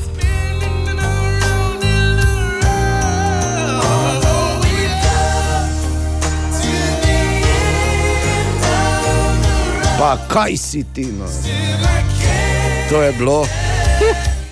Pravzaprav še vedno je. No in ta B, B, B. je Michael McCarry. Pojstomen, takoj po oglasih. Dobro jutro. Dobro jutro. Dobro jutro. Ja, ena od glavnih novic danes zjutraj je zagotovo tudi ta, da je Malta prva država v Evropi, ki je legalizirala uh, torej marihuano tudi za osebno uporabo oziroma v rekreativne namene. Mi smo danes zjutraj to tu ovekovečili z predlogom nove himne, ki ima seveda dve težavi. Ena je na glas, eh, ko se izgovarjajo ime države, drugo pa precej rudimentaren tekst. Ne, smo... Ampak vseeno, Bor, tu računam na tebe zdaj. Da, roko, roko na srce, mnoge eh, himne in Ja. morda celo najboljše imajo take tekste, ki so enostavni, hitro zapomljivi in grejo uh, nekaj zložno v uho. Recimo, ne? Tako, če Eh, bi kot v tem poslušal. enem primeru za primati. Ja. Evo, gremo zdaj. To je zdaj okay. Predlog za himno. Evo, tekst, pazi zdaj. Lala Malta. Lala Malta. Lala Malta. Lala Malta. Tako. Ker če bi se uglasila, malo vidva, prosim, ker bilo to lažje, bilo boleče. Ne, ne, ne, ne. Viš, to je posebnost malteške himne, Tako. ko si neoglašen. Res je, ej, si ti že videla, kdaj, ko futbaleri himno pojejo. Mi dva smo bila, veš kaj?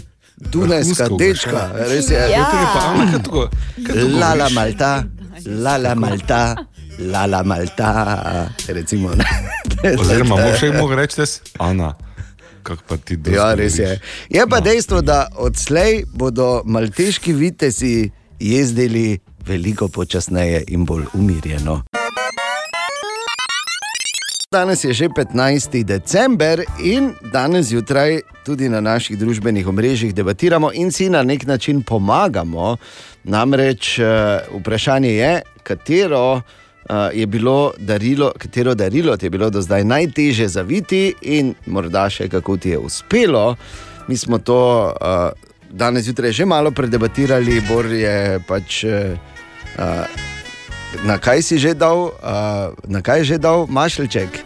Na puhastega riliček. pink slona, na rilček. A ja, na riliček. riliček. Na riliček, kot je rekel, ne, dolgo mašno na riliček in je to bilo to. Ampak da ne bi slučajno mislili, jaz recimo absolutno sovražim uh, zavijanje in sem, uh, pač bom rekel, spektakularno slab pri tem početju. In to je uh, dokaj pogost pojav.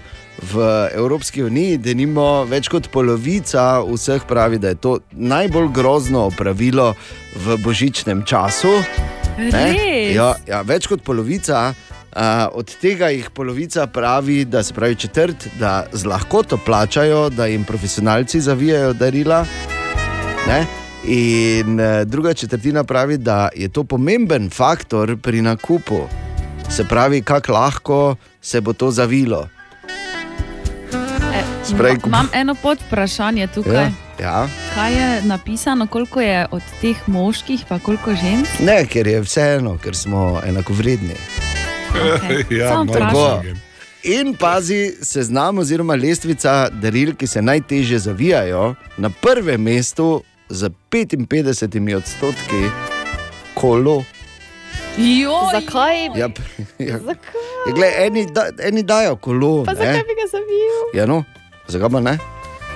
Če je to kul, cool, ko zaviješ kolo, se res ne vidi, Ja, da je kolo not ja. zavito. Wow. Okay, pazi, na drugem mestu oprema za domačo telovadnico, pol so žoge, kitare, zanimivo, kitare, Tudi nikoli ne bi ogano. Ne. težko si, ja, težko zaviješ. In pa sveče, kar me je presenetilo. sveče. Ja, ja, ja. In pa, ja, sveče. Sveče, ja, ja kako pa bo nekaj zaključila? Vprašam, pa gremo dalje. Uh, če kdo razmišlja, da bi mi svečo podaril za božič, ne? ker bi je lepo prosil, da namične Ja, ja, ne. Veš, Imaš eh, par sveč tako aranžiranih. Po, veš, po, se mi to diši onem darilu na hitro, ko greš od doma. Kaj darilo imamo? Ne, pa zobno pasto za me, pa da gor neko mašljico. Sobno pasto vzame. E, Točno tu v tej kategoriji so sveče. Okay. In uh, več kot polovica vseh, torej 60 odstotkov vseh, v, ki so jih vprašali, v tej raziskavi pravijo, da, da točno vejo, od koga je, glede na to, kak je zavito. Kot sem že povedal, pri, Ja, pri, nas, doma, pri nas doma s tem tudi absolutno nimajo težav. Ne? Ker se vejo, a, a ti je bil. Tako da, pač, glej, nismo vsi za vse na tem planetu, zato pa je prav, da si pomagamo. Danes zjutraj je torej debata na naših družbenih omrežjih, katero darilo ti je bilo do zdaj najtežje zaviti in kako ti je to uspelo. Na tak način ne, boš morda komu pomagal ali pomagal iz hude zagate eh, za Božič 2021. 11 minut, če sedmo je. Danes želimo dobro jutro. Dobro jutro. Dobro jutro. In malo listamo med zanimivimi naslovi, ob tem, da seveda imamo eh, športnico, športnika leta in ekipo leta, eh, tako da čestitke eh, Pogačarju, Garnbretovi in našim košarkarjem. Um, je tudi, recimo, so ostali naslovi, kot je ta, da so v Kaliforniji na nekaterih šolah učiteljem prepovedali dajati slabe ocene. To je tako, predstavljaj si, kot da recimo v Prelekiji ne bi smeli dajati enk pa dvojk.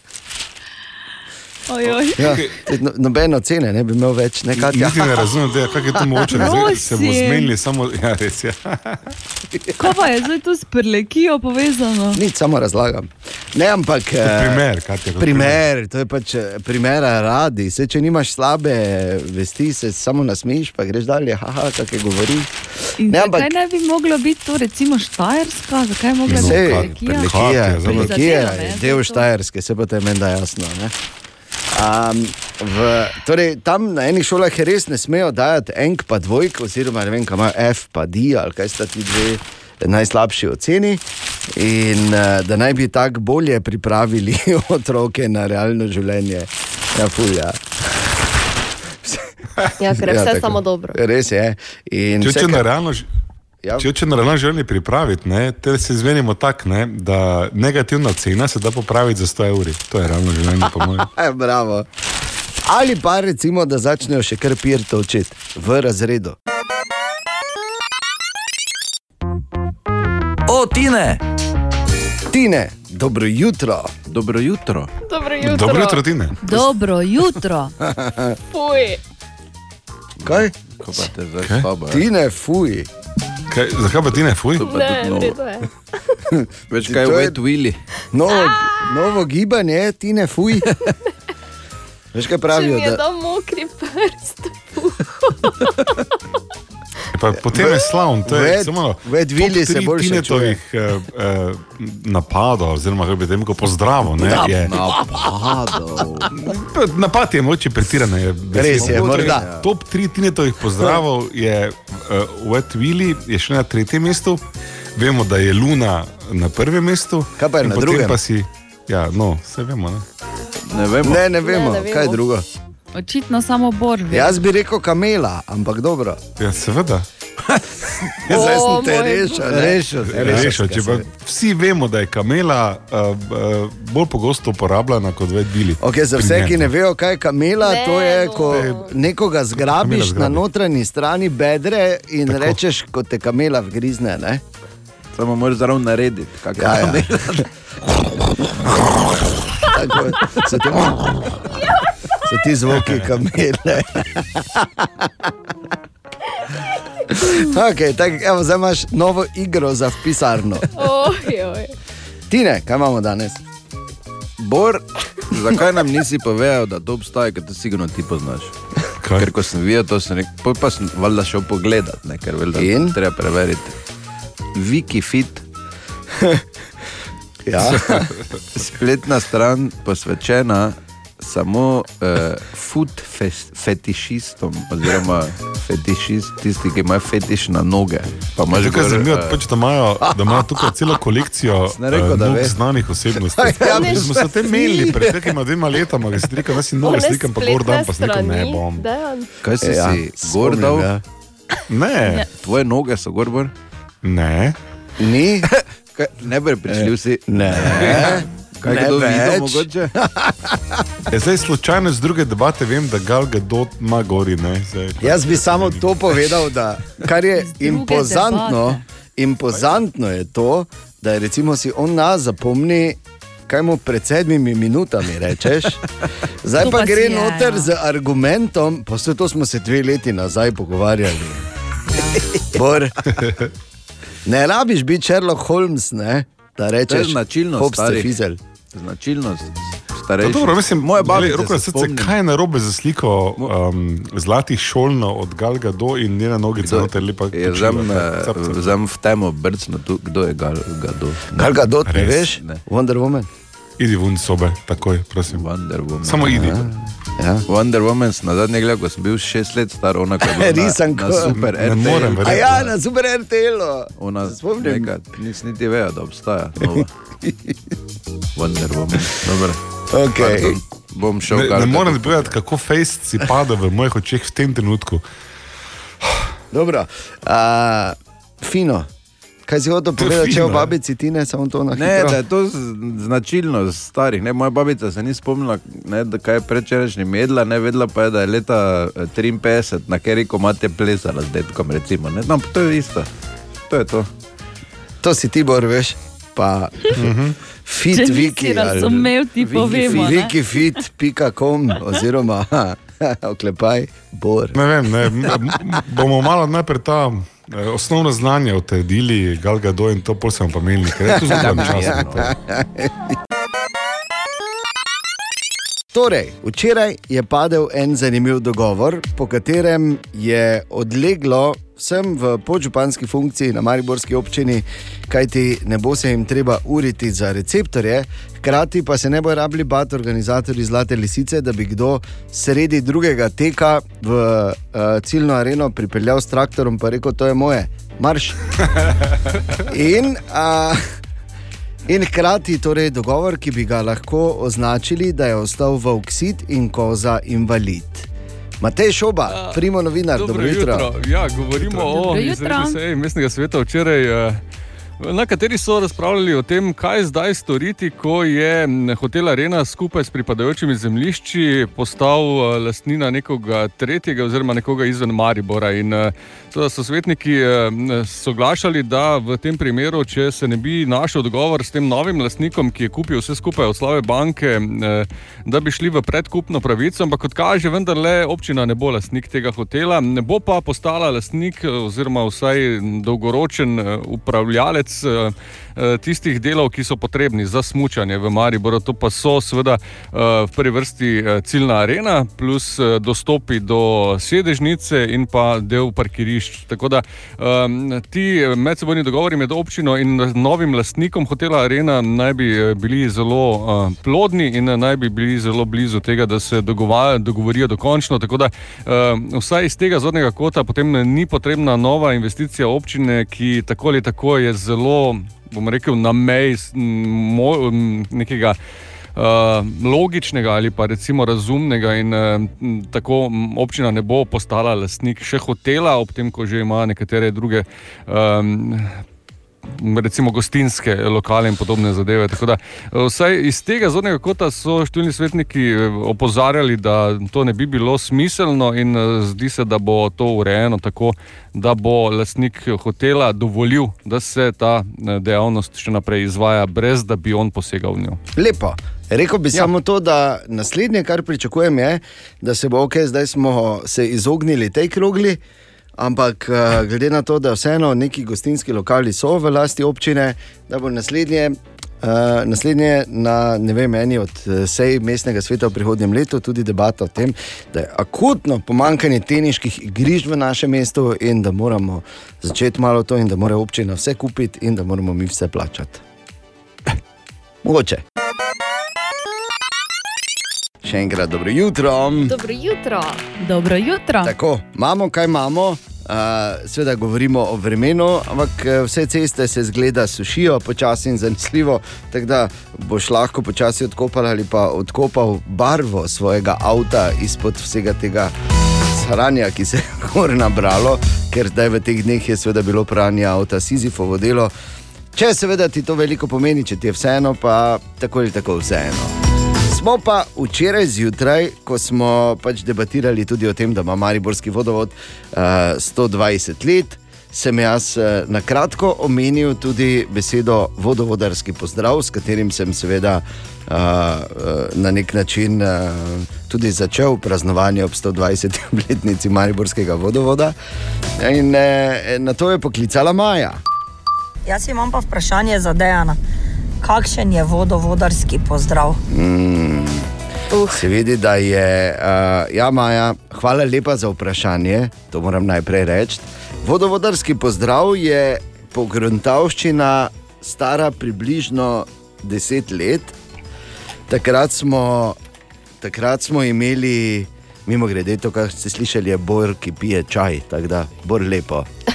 Hvala ti. Tak, pa še zraven, veš, Če se pa še zraven, v, ja, kar v tematiki. Ne?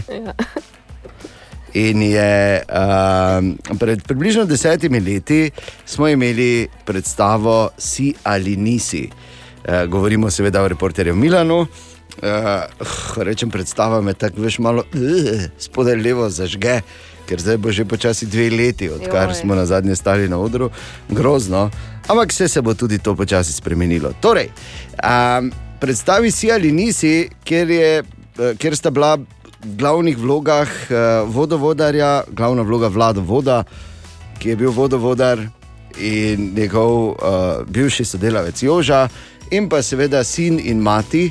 Uh, in seveda vlado je vse čas mislil, da ni bil ziger, ne? ker je sin imel najboljšega prijatelja ali babo, za katerega se kazne, in seveda on misli, da je on to moški, za katerega se v bistvu na koncu izkaže, da je v bistvu uh, punca in da je vse v redu v vladotovi knjigi. Eh, Predstavo najdeš na, uh, na YouTubu, seveda tudi tako, da si lahko mogoče pokrajšaš kak trenutek. Ampak tam notri je recimo en moment, ko pride Joža uh, prvič na obisk k vladotu in se pozdravita. Stari vodovodski podav, tri, štiri, hop.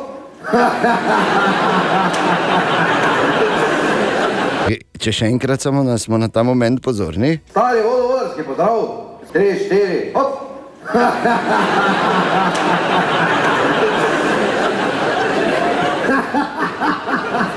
Kaj se režiš? Kobro si kažeta. A hejte, sedi ne. Sifon je to trotl. Koleno.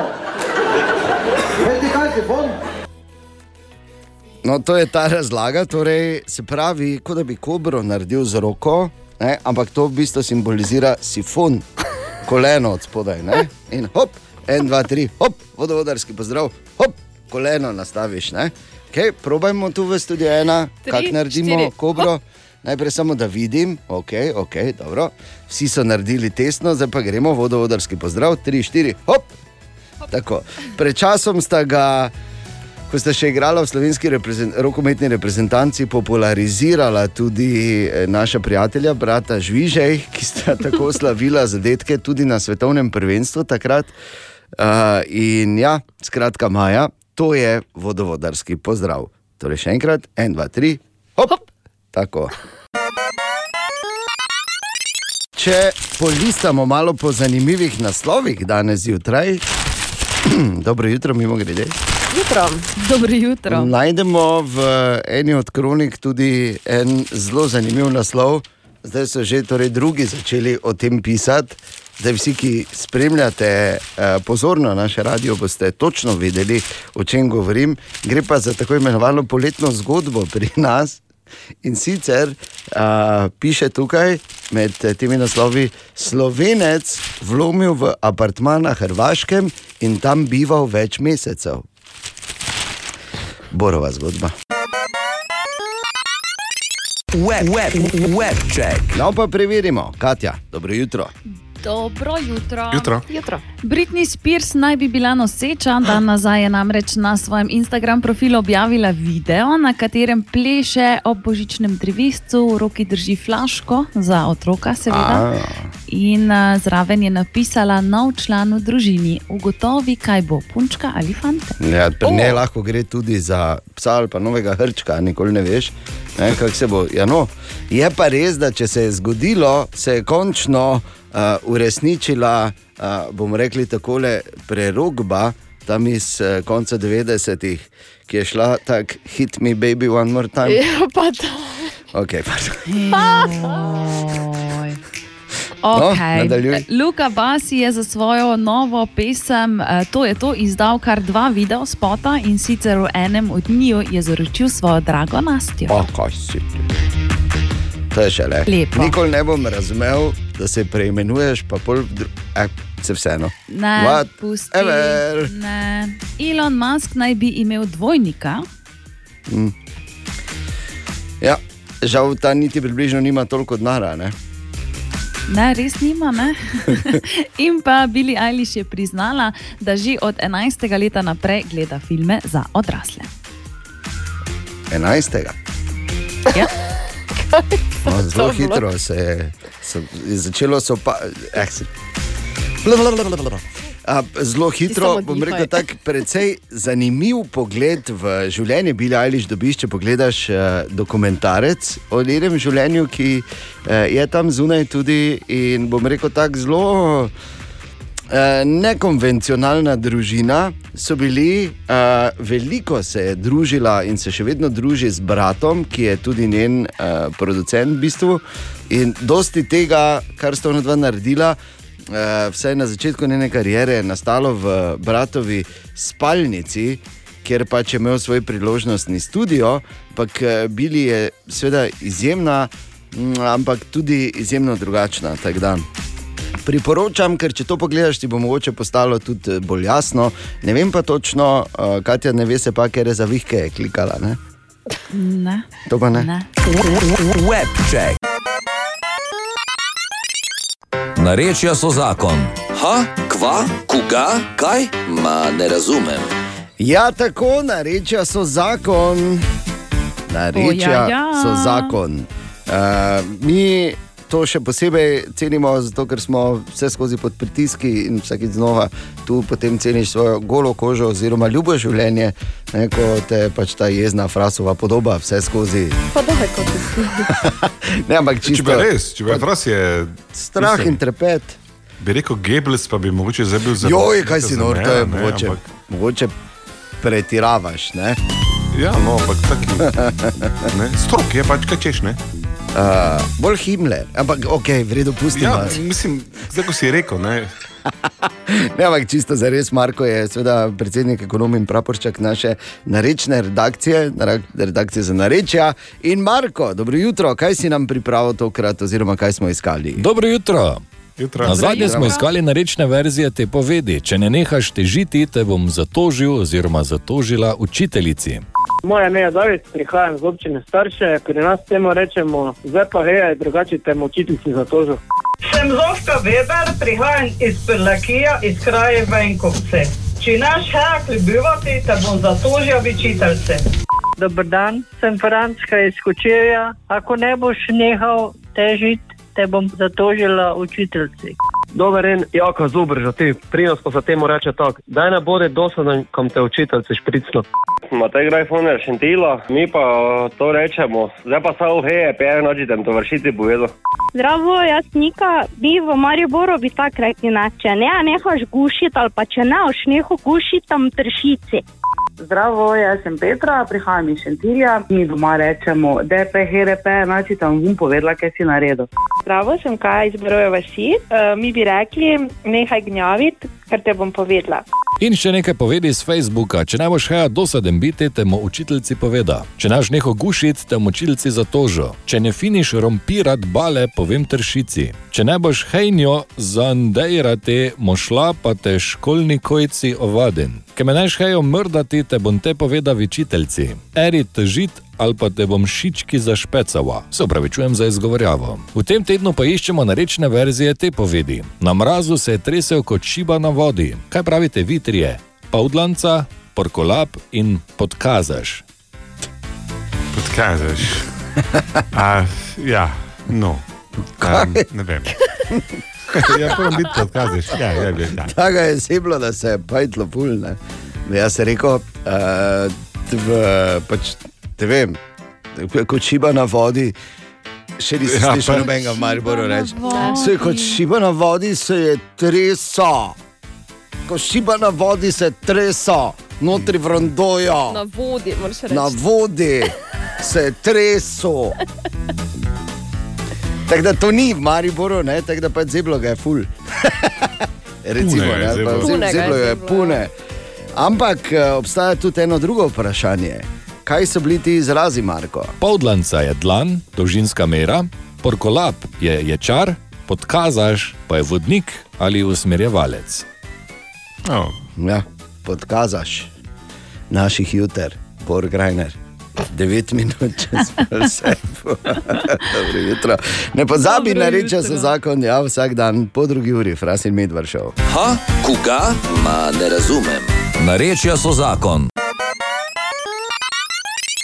Ena od treh, treh, treh. Jutranji sprehod po zgodovini popularne glasbe. In danes se moramo ustaviti pri eni absolutni legendi, ki praznuje že 72. rojstni dan in sicer Billy Gibbons iz Zizi Topov. Billy Gibbons oziroma William Frederick Gibbons je uh, občasno sicer tudi igralec, ampak sicer pa res uh, izjemen.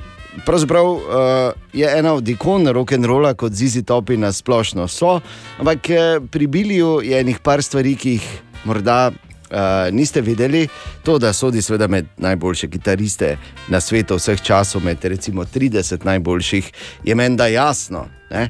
Ampak eh, mogoče to pred leti so pri žiletu, vemo, kaj dela žilet. Ne? Ko so, Plitvice, ne? tako, ko so nehali delati giljotine, so začeli. A ne, ni to isto. A, ne, ampak eh, eh, ja, pri Žiletu so si eh, pred leti zamislili eno akcijo, ki če bi mi tako promovirali, pa bi recimo vzeli Bilija iz Zizi Topov, ki je seveda znan po svoji bradi. Pa bi mu dali milijon dolarjev, da bi se on obril in to z našimi britvicami. Rekel Bili. Ja. Od pip. Taki mi je Ne. rekel. ja, Za valjda. milijon. Ja, no, veš kaj. Zizi Topi so vseeno eni od najuspešnejših bendov vseh časov, uh, njemu Ti si že milijon. videl svoj milijon, veš, pred Ja, časom. o ja. Tako bomo ja, rekla. Kaj to zraste nazaj? Ne, tak, po mojem, taka nikoli ne zraste več. Oh, kdo bi se lahko rekel s to logiko? Taka ima tudi svoje življenje, pa ti zameri. Ne? Ja, zagotovo. Pa veš kaj, vse noter je, živi tam. Joj, ne. Pa res, da uh, ima Billy Gibbons, uh, kar pa recimo tudi veliko ljudi ne ve, izjemen vokalni razpon. Njegov vokalni razpon presega pet oktav, uh, kar pomeni, da je v kategoriji recimo Mariah Carey in Freddija Mercuryja po razponu, jasno. Da. Billy Gibbons torej je zaznamoval skupaj s svojimi zizi topi v bistvu zadnjih šest glasbenih desetletij s hiti kot so Tuš.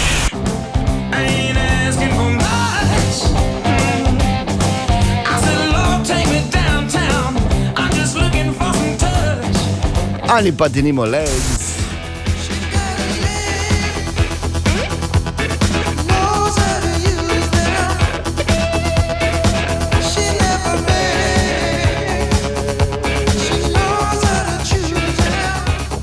Pa viva Las Vegas.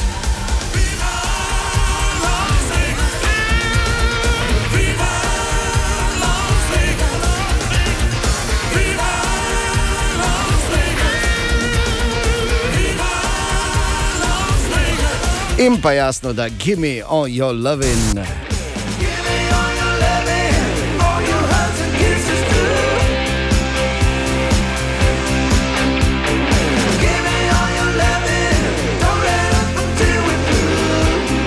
Tako da ob 72. rojstnem dnevu Bilija Gibbonsa nekaj a, čisto krvnega juž, južnjaškega bluza oziroma bluzroka, ki mi jo lovim zizi top, takoj po oglasih. Še enkrat dobro jutro. Dobro jutro. Dobro jutro. Uh, toliko imamo še zanimivih zgodb za te danes zjutraj pripravljenih in seveda samih najprimernejših hitov za prebujanje. Takoj po novicah ob sedmih nadaljujemo, ampak vmes je treba zadostiti še eni uh, frakciji, ki ne že, želi biti znotraj jutranje ekipe, ki ne želi biti posebej, uh, posebej imenovana, ampak slavi potezo Malte in uh, seveda apelira pač, oziroma upa, da zgledi vlečejo. In sicer z novo malteško himno. La la ta ta ra ra. La ta ta. Matalala, matalala, la la la ta. Vsaka podobnost z aktualnimi člani ekipe je zgolj naključna. Tako k koncu gre leto, to ne moremo nič, dva tedna sta še, pravzaprav do konca leta 2021, in eh, seveda to tudi pomeni, da je treba malo pogledati nazaj. eh, Dosežke tega leta ni jih bilo malo, tisti pravi, veliki finale bo tudi pri nas zjutraj v zadnjem tednu tekmovanja za najprestižnejšo radijsko nagrado Bor leta. Ne? To je vedno uh, praktično v zadnjem tednu, tam med uh, to leto bo med uh, 27. in 31. decembrom, tako da seveda vabljeni, da prisluhnete uh, ob jutrih in čez dan. Pa pazite, ne bo brez uh, suspensa oziroma zanimivosti, ker v zadnjih letih nagrada, ker si imaš dominiral, bil nepremagljiv, ne, kar naenkrat neki novi pretendenti. Ja, tako eh, ne, Bor. enkrat sem celo izgubil nagrado, pa Ja. ja. nisem bil prvi. Tako da marsikaj se lahko zgodi pri Boru leta. Ja, lani nisi bil prvi. Lani... Treba zdaj odpirati to rano, kaj? Okay. Ampak, eh, čeprav ne moremo po teži primerjati v bistvu teh dveh nagrad, pa vseeno, eh, recimo, olimpijske igre so vseeno bile. To je treba vsaj omeniti. In uh, v letu 2021 je eden osrednjih dogodkov. David. Ja, spremljali smo olimpijske igre, tri zlate kolajne osvojila Slovenija, ob tem tudi eno srebrno in eno bronasto. A, Zlato piko na i je postavil v svoji karieri kanuist Benjamin Savšek v slalomu na divjih vodah, takrat prepričljivo zmagal v finalu in komentiral to tako. Ker sem prišel v cilj, eh, so me prevzela vsa čustva in sem bil res vesel, da mi je to uspelo. eh, Res nisem mogel verjeti. Že pred zadnjimi vrati v bistvu sem eh, nekako jak dubo tisti adrenalin, uh, ker sem vedel, da sem res dobro odpeljal in sem stisnil še zadnje atome uh, do cilja in uh, res nori občutki. Zlata je bila tudi Janja Garnbret v športnem plezanju in pa v kronometru Primoš Roglič. Naš drugi zvezdni kolesar Tadej Pogačar je bil bronast na cestni dirki, srebrna medalja pa je pripadla Tini Trstenjak v judu. Potem pa je treba seveda še omeniti četrto, nesrečno četrto mesto slovenske košarkarske reprezentance. Po 17 zaporednih zmagah jih je takrat ustavila šele Francija v polfinalu s tako imenovano banano tik pred koncem, dve sekundi do konca, ki si jo bomo dolgo zapolnili. Klemen Prepelič je takrat imel žogo v rokah in tudi polaganje, ki bi peljalo v olimpijski finale, v tem pa ga je ustavil. Pa je daleč od tega, da bi to bila slaba odločitev. Verjamem v to, da, da Luka enostavno nima možnosti prebijanja, najdo je podajo, ki mi je dala neko določeno prednost. Nažalost je bil tam kabarot, ki me je ustavil za tisto stotinko sekunde, ki je verjetno na koncu zmanjkala, ampak to je šport, daje, vzema. Uh, včeraj je vzel, verjamem, da bo jutri dal. Potem pa ni preostalo drugega, kot da v soboto ob enih sredi dneva spremljamo tekmo za bron, v kateri so bili boljši Avstralci. V spominu bo ostal takrat izjemni peti Mills, najboljši posameznik tekme na suje 42 točk.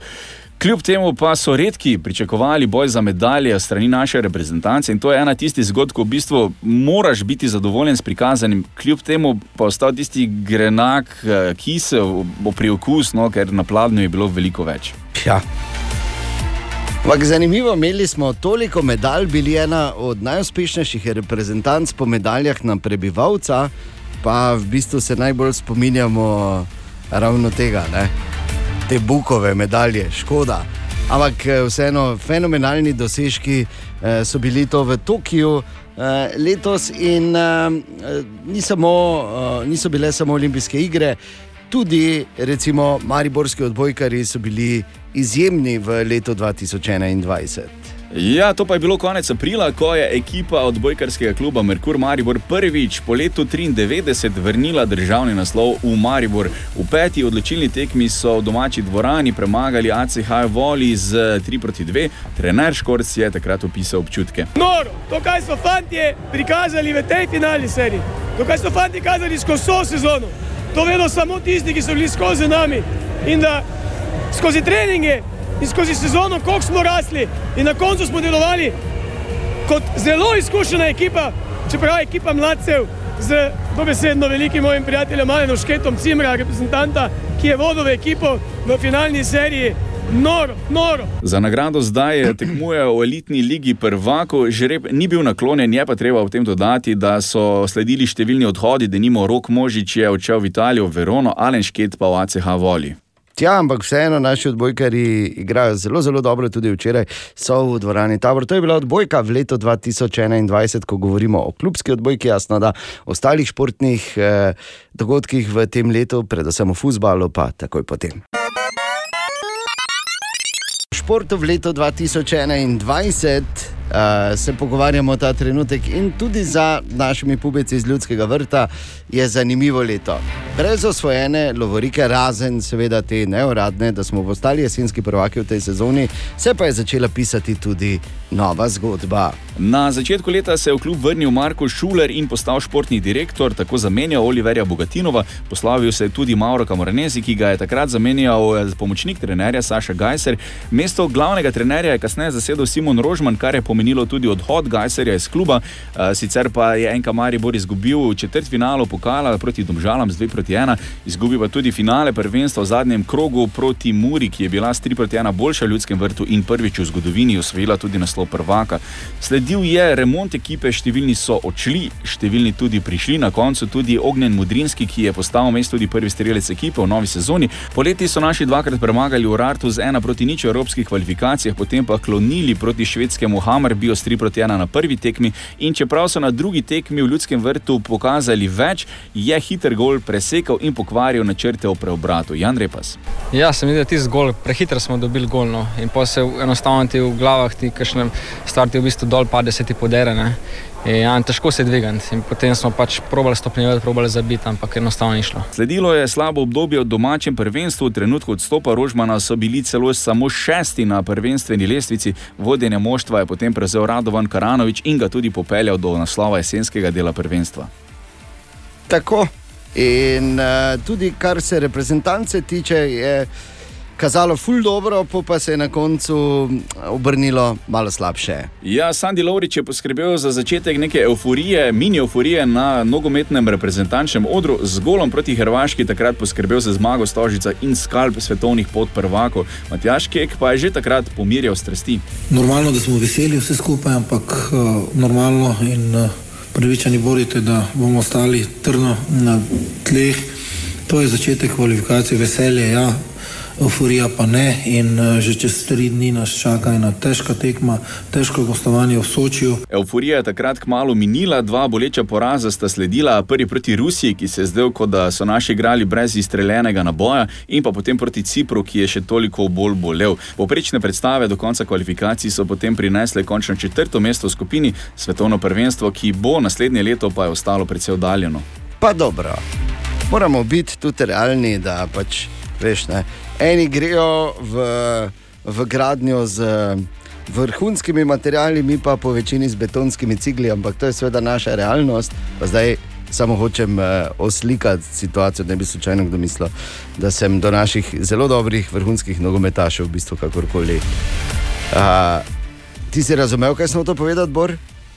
Seveda, No, no, me sem neki veseli. športni navdušenec, Tako, pa strokovnjak, točno to. komentator in vrhunski sodelavec pri tem. tako da- Ja, ne, glej. lepa, ja. Tako, Tako sedem- si rekel, je, ne? ne, nismo jih končali. V bistvu, hotel sem to samo to povedati, ne, da je A. treba biti eh, po eni strani skromen in po drugi strani hkrati požrešen. Ja. Ja. Za- Kaj? Ja, problem je pač, da imaš ti to drugo vejo včasih bolj izraženo. 17 minut čez sedem. Dobro jutro. Dobro jutro. Tako. In naj bo to napoved, čez natanko sedem dni, prihodni četrtek, v Mariboku so nova City Kino premjera in sicer nova Matrica pride. In to je eden od tistih filmov, ki smo jih res katastrofalno dolgo čakali že. Ampak hvala Bogu se je Lana Vačovski odločila, da, da, da posname to nadaljevanje. In kar je zanimivo, da je tam ena scena, ko uh, Kienu skače iz, uh, iz roba hiše. In ker je režiserka Vačovski želela, da je ta res uh, naravna jutranja svetloba od zadaj, pol ni bilo šanse, da to posnejo, posnamejo s kakimi posebnimi efekti. Ampak je moral Kienu reči in piši 19 krat skočiti iz roba stolpnice. Bravo. In, dobro, ne? In Ja. ja. povedal, da je, da, je bilo to, da je bilo fenomenalno, in jasno, noben ni pričakoval, da bi, uh, da bi uh, kakorkoli šimfal. Sem pa prepričan, da če v resnici mu je bilo žal, da je Lana Vačovski spremenila spol, ker če bi še bila to, kar je bil, ko je se začelo snemanje matrice, bi verjetno ki eno, eno okoli uhe stisnilo. No, 19 krat je moral skočiti, ampak to je se- seveda samo ena od stvari, ki eh, se jih lahko veselimo. Tako da prihodnji teden v Mariboku nova City Kino eh, premjera. In pa eh, že v torek bomo seveda igrali premjerni hitri kviz, ko vas bomo vabili. Tako da, prosim, če te zanima nadaljevanje matrice, ne smeš zamuditi, do takrat pa, da nimo lahko greš gledat kralja Richarda.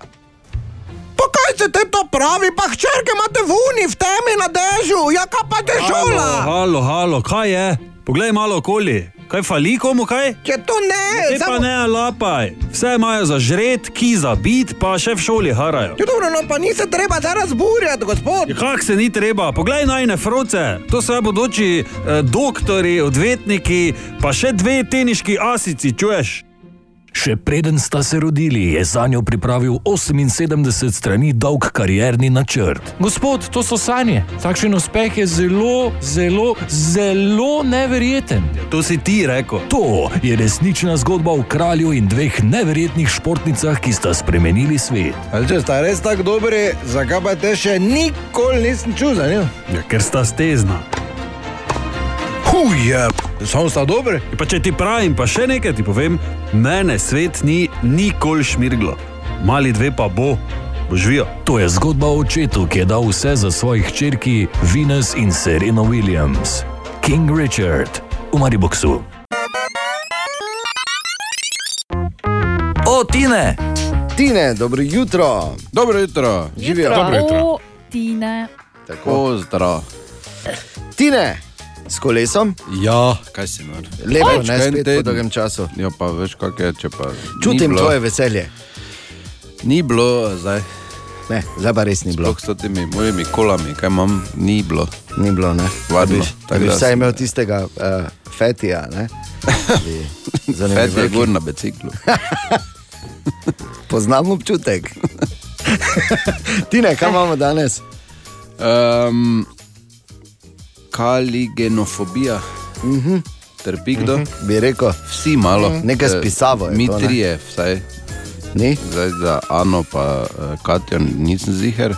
Kaj te kaj grdo piše, za meni zdi? Se ne vem, če je to povezano s pisavo. Seveda, da Skrb ni. vzel je. Seveda, da ni. Ne? Samo Katja, pred nadaljuješ, kar grdo prosim. Kar grdo pišeš, pred Katja, res, nadaljuješ. ja. To si z mano zamešal, Bor, jaz pa zdaj, priznam. Uh, ne, Jaz potem pa je Ana, prvo Ana grdo piše. Ja, to sem jaz. Ja. Ti si zadnji, veš? Ti gospod. se omeniš. Ti pa tako, Ja, ja, ti res je. sploh ne piši. Ne bojiš? Šampoljon bi se predal. Hvala Bogu, da je dobo za problem hieroglife, ne tvojo pisavo. Ker bi bilo nerešljivo. Ne? Da res je. Torej, Tine, kaj je k- kali? me- so gremo? Kaj sem rekel, zdaj sem pozabil. Kali, ne, fobija, nekaj. Zdaj sem pozabil, pa sem zbrisal. no. Kaligenofobija. Kaligenofobija, torej? Strah pred lepimi ženskami. o, ja. o, ja.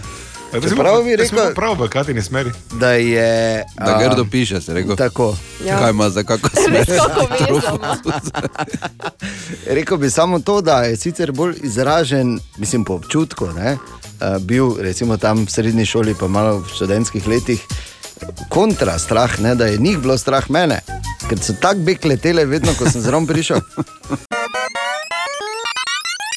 Vprašanje za Hajpek za danes. Katja, Zvezdana je pisala na jutraf na radiocity.si in jo zanima, zakaj so psi tako veseli, ko zapade sneg in se valjajo po njem. ne samo psi, si videla te otroke. Pa Dejana. Oh, Bora, recimo. Ne, ne, ko je ta sveži beli sneg, pa se on tako s hrbtom, tako čez tudi angličke dela. Tudi ti veš, kaj jaz angličke delam. Ja, veš, da sem videl. Kje? Imam Jaz nočem vedeti, nočem zdaj opozarjati, ne, nočem zdaj očitno opozarjati, ampak znotraj tvoje družine imaš nekaj kvizlinga. Vohune, ne? Ker vsaki, vsaki smešni video, ki se zgodi, pride k meni, en, dva, tri bom rekel. No, in Še enkrat čestitke ostane. za pokanje na zadnjič. Ne? Pa dobro, Mislim, dobro, lahko, pokar, brez, eh, In tega prosim. Jaz iz prve roke vem, pardon, iz prve roke vem, da Dejan dela angelčke na uh, trebuhu, tako imenovano šestilo, če razumete. Hvala lepa. No, viš, to je, to je kvalitetna pripomba, ne pa tvoje. ne, ampak, ja, glej, prosim, naj nekdo napiše bota, da bo Boro avtomatsko brisal te videoposnetke, ki jih dobiva, ker eh, me je strah, kam bo to pripeljalo nekoč. Uh, zvezdana, čudovito, ne, ne, ne, ne, ne, ne. Zvezdana, čudovito vprašanje in odgovor dobiš v Hajfektu. In aktualno stanje na cestah. vse vrejo. Se vrejo, Anči? Ja, dobro smo. Ja, dobro jutro, Tanja tukaj. Jaz pa javljam in sicer. A, danes se asfaltira cesta in sicer cesta, če se pripelješ iz Apač, uh, Edine ali Taluma od križišča dol proti Nivrcam, proti železniškemu prehodu. Naj se peljejo kje drugje, zato ker uh, je že zdaj malo kaos, potem bojo tako, tako, cest, tako ali tako cesto zaprli. Uh, tako da opcija Časadino ali pa Kidričevo, da pridajo na drugo stran, naprimer na Šikolsko, pa potem proti Ptuju in, in na avtocesto. Najlepša hvala za to informacijo. Ostale ceste so normalno prevozne, previdno in varno pot. Naj samo povem, eh, da razložim, v bistvu, zakaj gre. Mislim, hvala lepa eh, poslušalki Tani za to eh, izčrpno poročilo. Super, koristna informacija, ampak eh, jaz sem Ani spremenil ime posnetka iz asfaltirajo v alcvaltirajo. In je pač to zdaj videla in je, težko je, ne? težko je z budalami, ne, Ana, se vem. Oh. Želimo dobro jutro. Dobro jutro. Dobro jutro. Kaj sem samo jaz bil, ali je še kdo drug slišal, da je Katja zdaj v teh vremenskih poročilih rekla, da bo danes jasno vreme. Eh, Eh, gledaš eh, zadnji sklop delov, uh, manj hajsta? Ne, jasno. sem že. jasno. Sparar, tember. Ok, pardon, da ne bomo povedali Samo preveč. njega ne, samo njega Zakaj ne. ne? Samo njega ne. Ne, A pa, a ne? On ne ni. nimam ga rada. Nimaš rada. Nehajta, aha. no. no zdaj pa Ne. povej, povej uh, koga pa imaš, da vidimo ta psihološki profil, kaj ti sestavimo zdaj, glede na karakterje v, v Manihajstu. Torej, Helsing, Helsinki. ti je všeč? Aha, Ja. ok, bradati srbi z velikim lampom, lepo. Ko je božič, naj bo božič za vse. Naša največja dobrodelna akcija, že 18 leto. Torej. In letos uh, imamo nekako rdečo nit, ki je pač tako zelo realna. Ne? In sicer, da včasih, ko nobenemu ni zares lahko, je verjetno še največ, kar lahko narediš, to, da si tu za sočloveka. Bor. Današnja božična zgodba se dogaja v Veščici. Nedolgo nazaj sem po naključju s kolesom peljal skozi ta kraj, ne da bi vedel, je namreč dva zavoja v stran od romskega nasilja pušča, ki pač pobere pozornost nas turistov. V Veščici, če bi se danes prešteli, ne bi prišli čez 400, a tudi taki mali kraj ima odrinjene ljudi, ki so sami in pogosto na robu revščine. Eden takih, razlaga Barbara, je Jožek. Ja, mislim, koliko ga jaz poznam, je on tako ful dobrosrčen, pa vedno je rad vsi kam pomagati. Je pa sam, pač eh, nima ne otrok, ne žene, ne staršev, vsi sam živi, niti kopalnice nima, uh, nima nič na socialne pomoči, pa nič ne dobi. Zdaj pa ne vem, če je njega pač stram iti na občino, pa zaprositi za pomoč, tu pa ne bi znala. Ni naše, da sodimo o življenjskih stilih ali človeških odločitvah, na nas je, da natanko tako, kot je naredila Barbara, potrkamo na vrata oziroma pokličemo. Bog da, Jožek, Barbara, tu pri telefone. Bog da, Najverjetneje ne veš, ker ne. to pa ne, ne, ne. Ne, tista, ki smo krompirsko pobrali na Ive.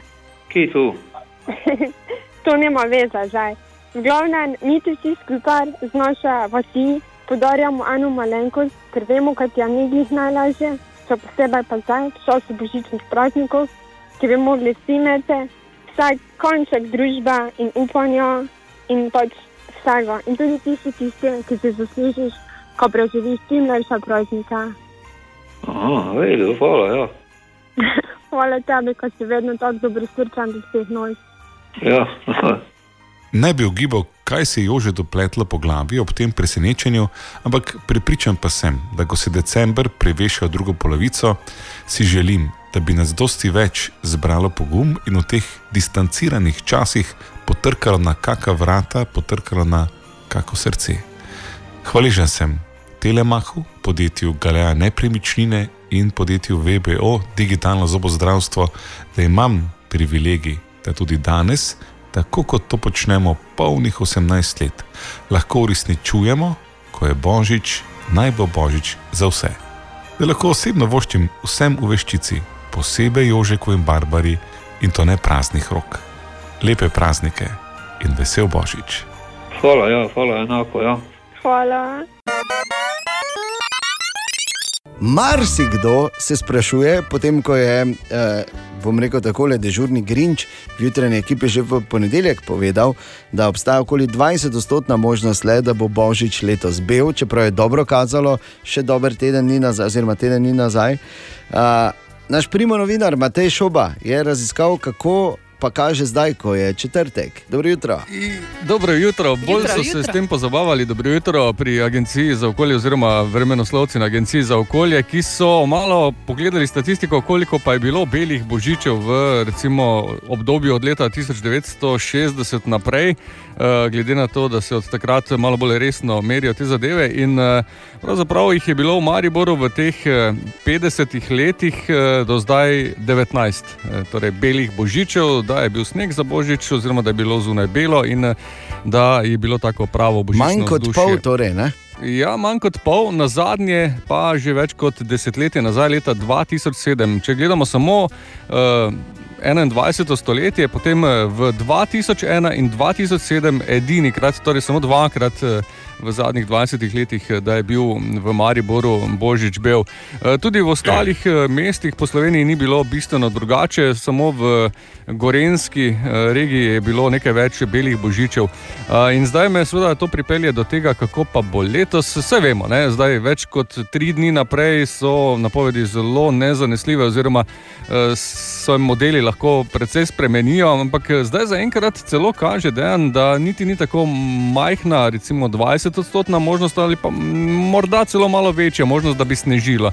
Zdaj jasno, sneg bo v nižinah pobralo, če ga še ni čisto do konca eh, v naslednjih dnevih, eh, ampak stabilno vreme se bi naj nehalo tam nekje v drugi polovici naslednjega tedna in zna biti, da petek, ko je božični večer, da bi lahko morda tudi snežilo. Zdaj, Ha. Uh, mo možnost je majhna, še vedno je večja možnost, da bo samo oblačno, ampak držimo pesti. Ne? Ja, tako da bomo te potem zgleda letos le videli, sledi v snegu. No. Ja, komentar tu zraven je seveda zopet najslabše potegnemo, ker ste videli vi slike Božiča, recimo v Avstraliji. Ne, hvala. Ja, ker tam nima snega za Božič, ne Ne, samo zato, glej, ker, ne. je- zato, ker je tam poletje, bor, veš. Ja, ampak le kako malo lepo, pa so vsi v kratkih, ne, pa Ja, hopa, hopa, pa to. Ne, mi najslabše, in je zima, in ni snega. In, Pa, Izvoli, hopa, Torker. hopa, predvsem to. Kratkih hlačah so pa hopa, hopa, kaj so Ja, hopa, hopa, zajci. kako se kaj? reče? Ne, se veš. Drugi praznik so zajci. Danes je petek in petek je prav vedno pri nas na radiju skoraj nemogoče vprašanje. Ja. Ja, Ja. To je Tako. koncentracija, veš, ta tako, tišina. Huda. huda. In danes je vprašanje, ki tudi temelji na, uh, na statistiki, narejeni v Evropski uniji. Ja. Okay. Smo pripravljeni, uh, dvakrat je gladko zmagala Katja. Ja. Okay. Na zadnje. Ja. Kaj se tako tiho? Jadrilica. Ja, koncentriramo se Ne, na drilice. ne. Glej, samo je zgovorite Ne morem bila sama drugače drilica. kratko, da kar takoj vdarim, ker, ker tako dve, Ja. ja. dve zmagujete v zadnjih tednih, to je bolano, iz prve, brez... In danes računam na Katjo in Ano, da se boste ponovno pomerili med sabo, ker je vprašanje o ženskah. In sicer 38 odstotkov vseh žensk v Evropski uniji, to je skoraj 4 od 10. Katja, poslušaš? Ja. 4 od 10 Poslušam, ja. pravijo, da je njihov največji strah, ko grejo na prvi randi, da se jim zgodi to. Kaj je to? Vtrgajo nogavice. Ne, a -a. Ampak to, je verjetno več kot 40 odstotkov strah. 4 od 10. Tako ima največji strah na prvem randiju ta, da uh, se jim zgodi to. Da jih Jo, hoče poljubiti. Ne, ne, pa, Ja, glej. Da se popaca, da pade. da Ne se vem, da je popaca. neka nerodna. Da se popaca, pač. si rekla? Da se popacka, ja. Vse to je neverjetno. Jaz ne vem, zakaj sploh, zakaj? zakaj sploh imamo mi skoraj nemogoče vprašanje. Da, Katja, Kaj da se mi dva zmeniti, da ti kar. Uh, Sem tiho od zdaj ja, naprej. tako. Kaj si ti, no, vse to ne moreš. Katja. Bravo, Bravo, Katja. Katja. Ampak veš, kaj je to? Je pač eh, ženska, ki zmaguje iz vlastnih izkušenj. Ja. To ta bi zdaj bila kar, ja, ta je zdaj kar. Ja. Aj, Vela, cesta, ja. Si se kdaj že zaflucala? Pa je bilo se nerodno? nisem. A, ok, dobro, torej nisem edini. Čeprav jaz nisem ženska in ne hodim na randi, ampak dobro. Vse pa zaflucam in to profesionalno. Dobra, mali in stari. Podcast jutranje ekipe.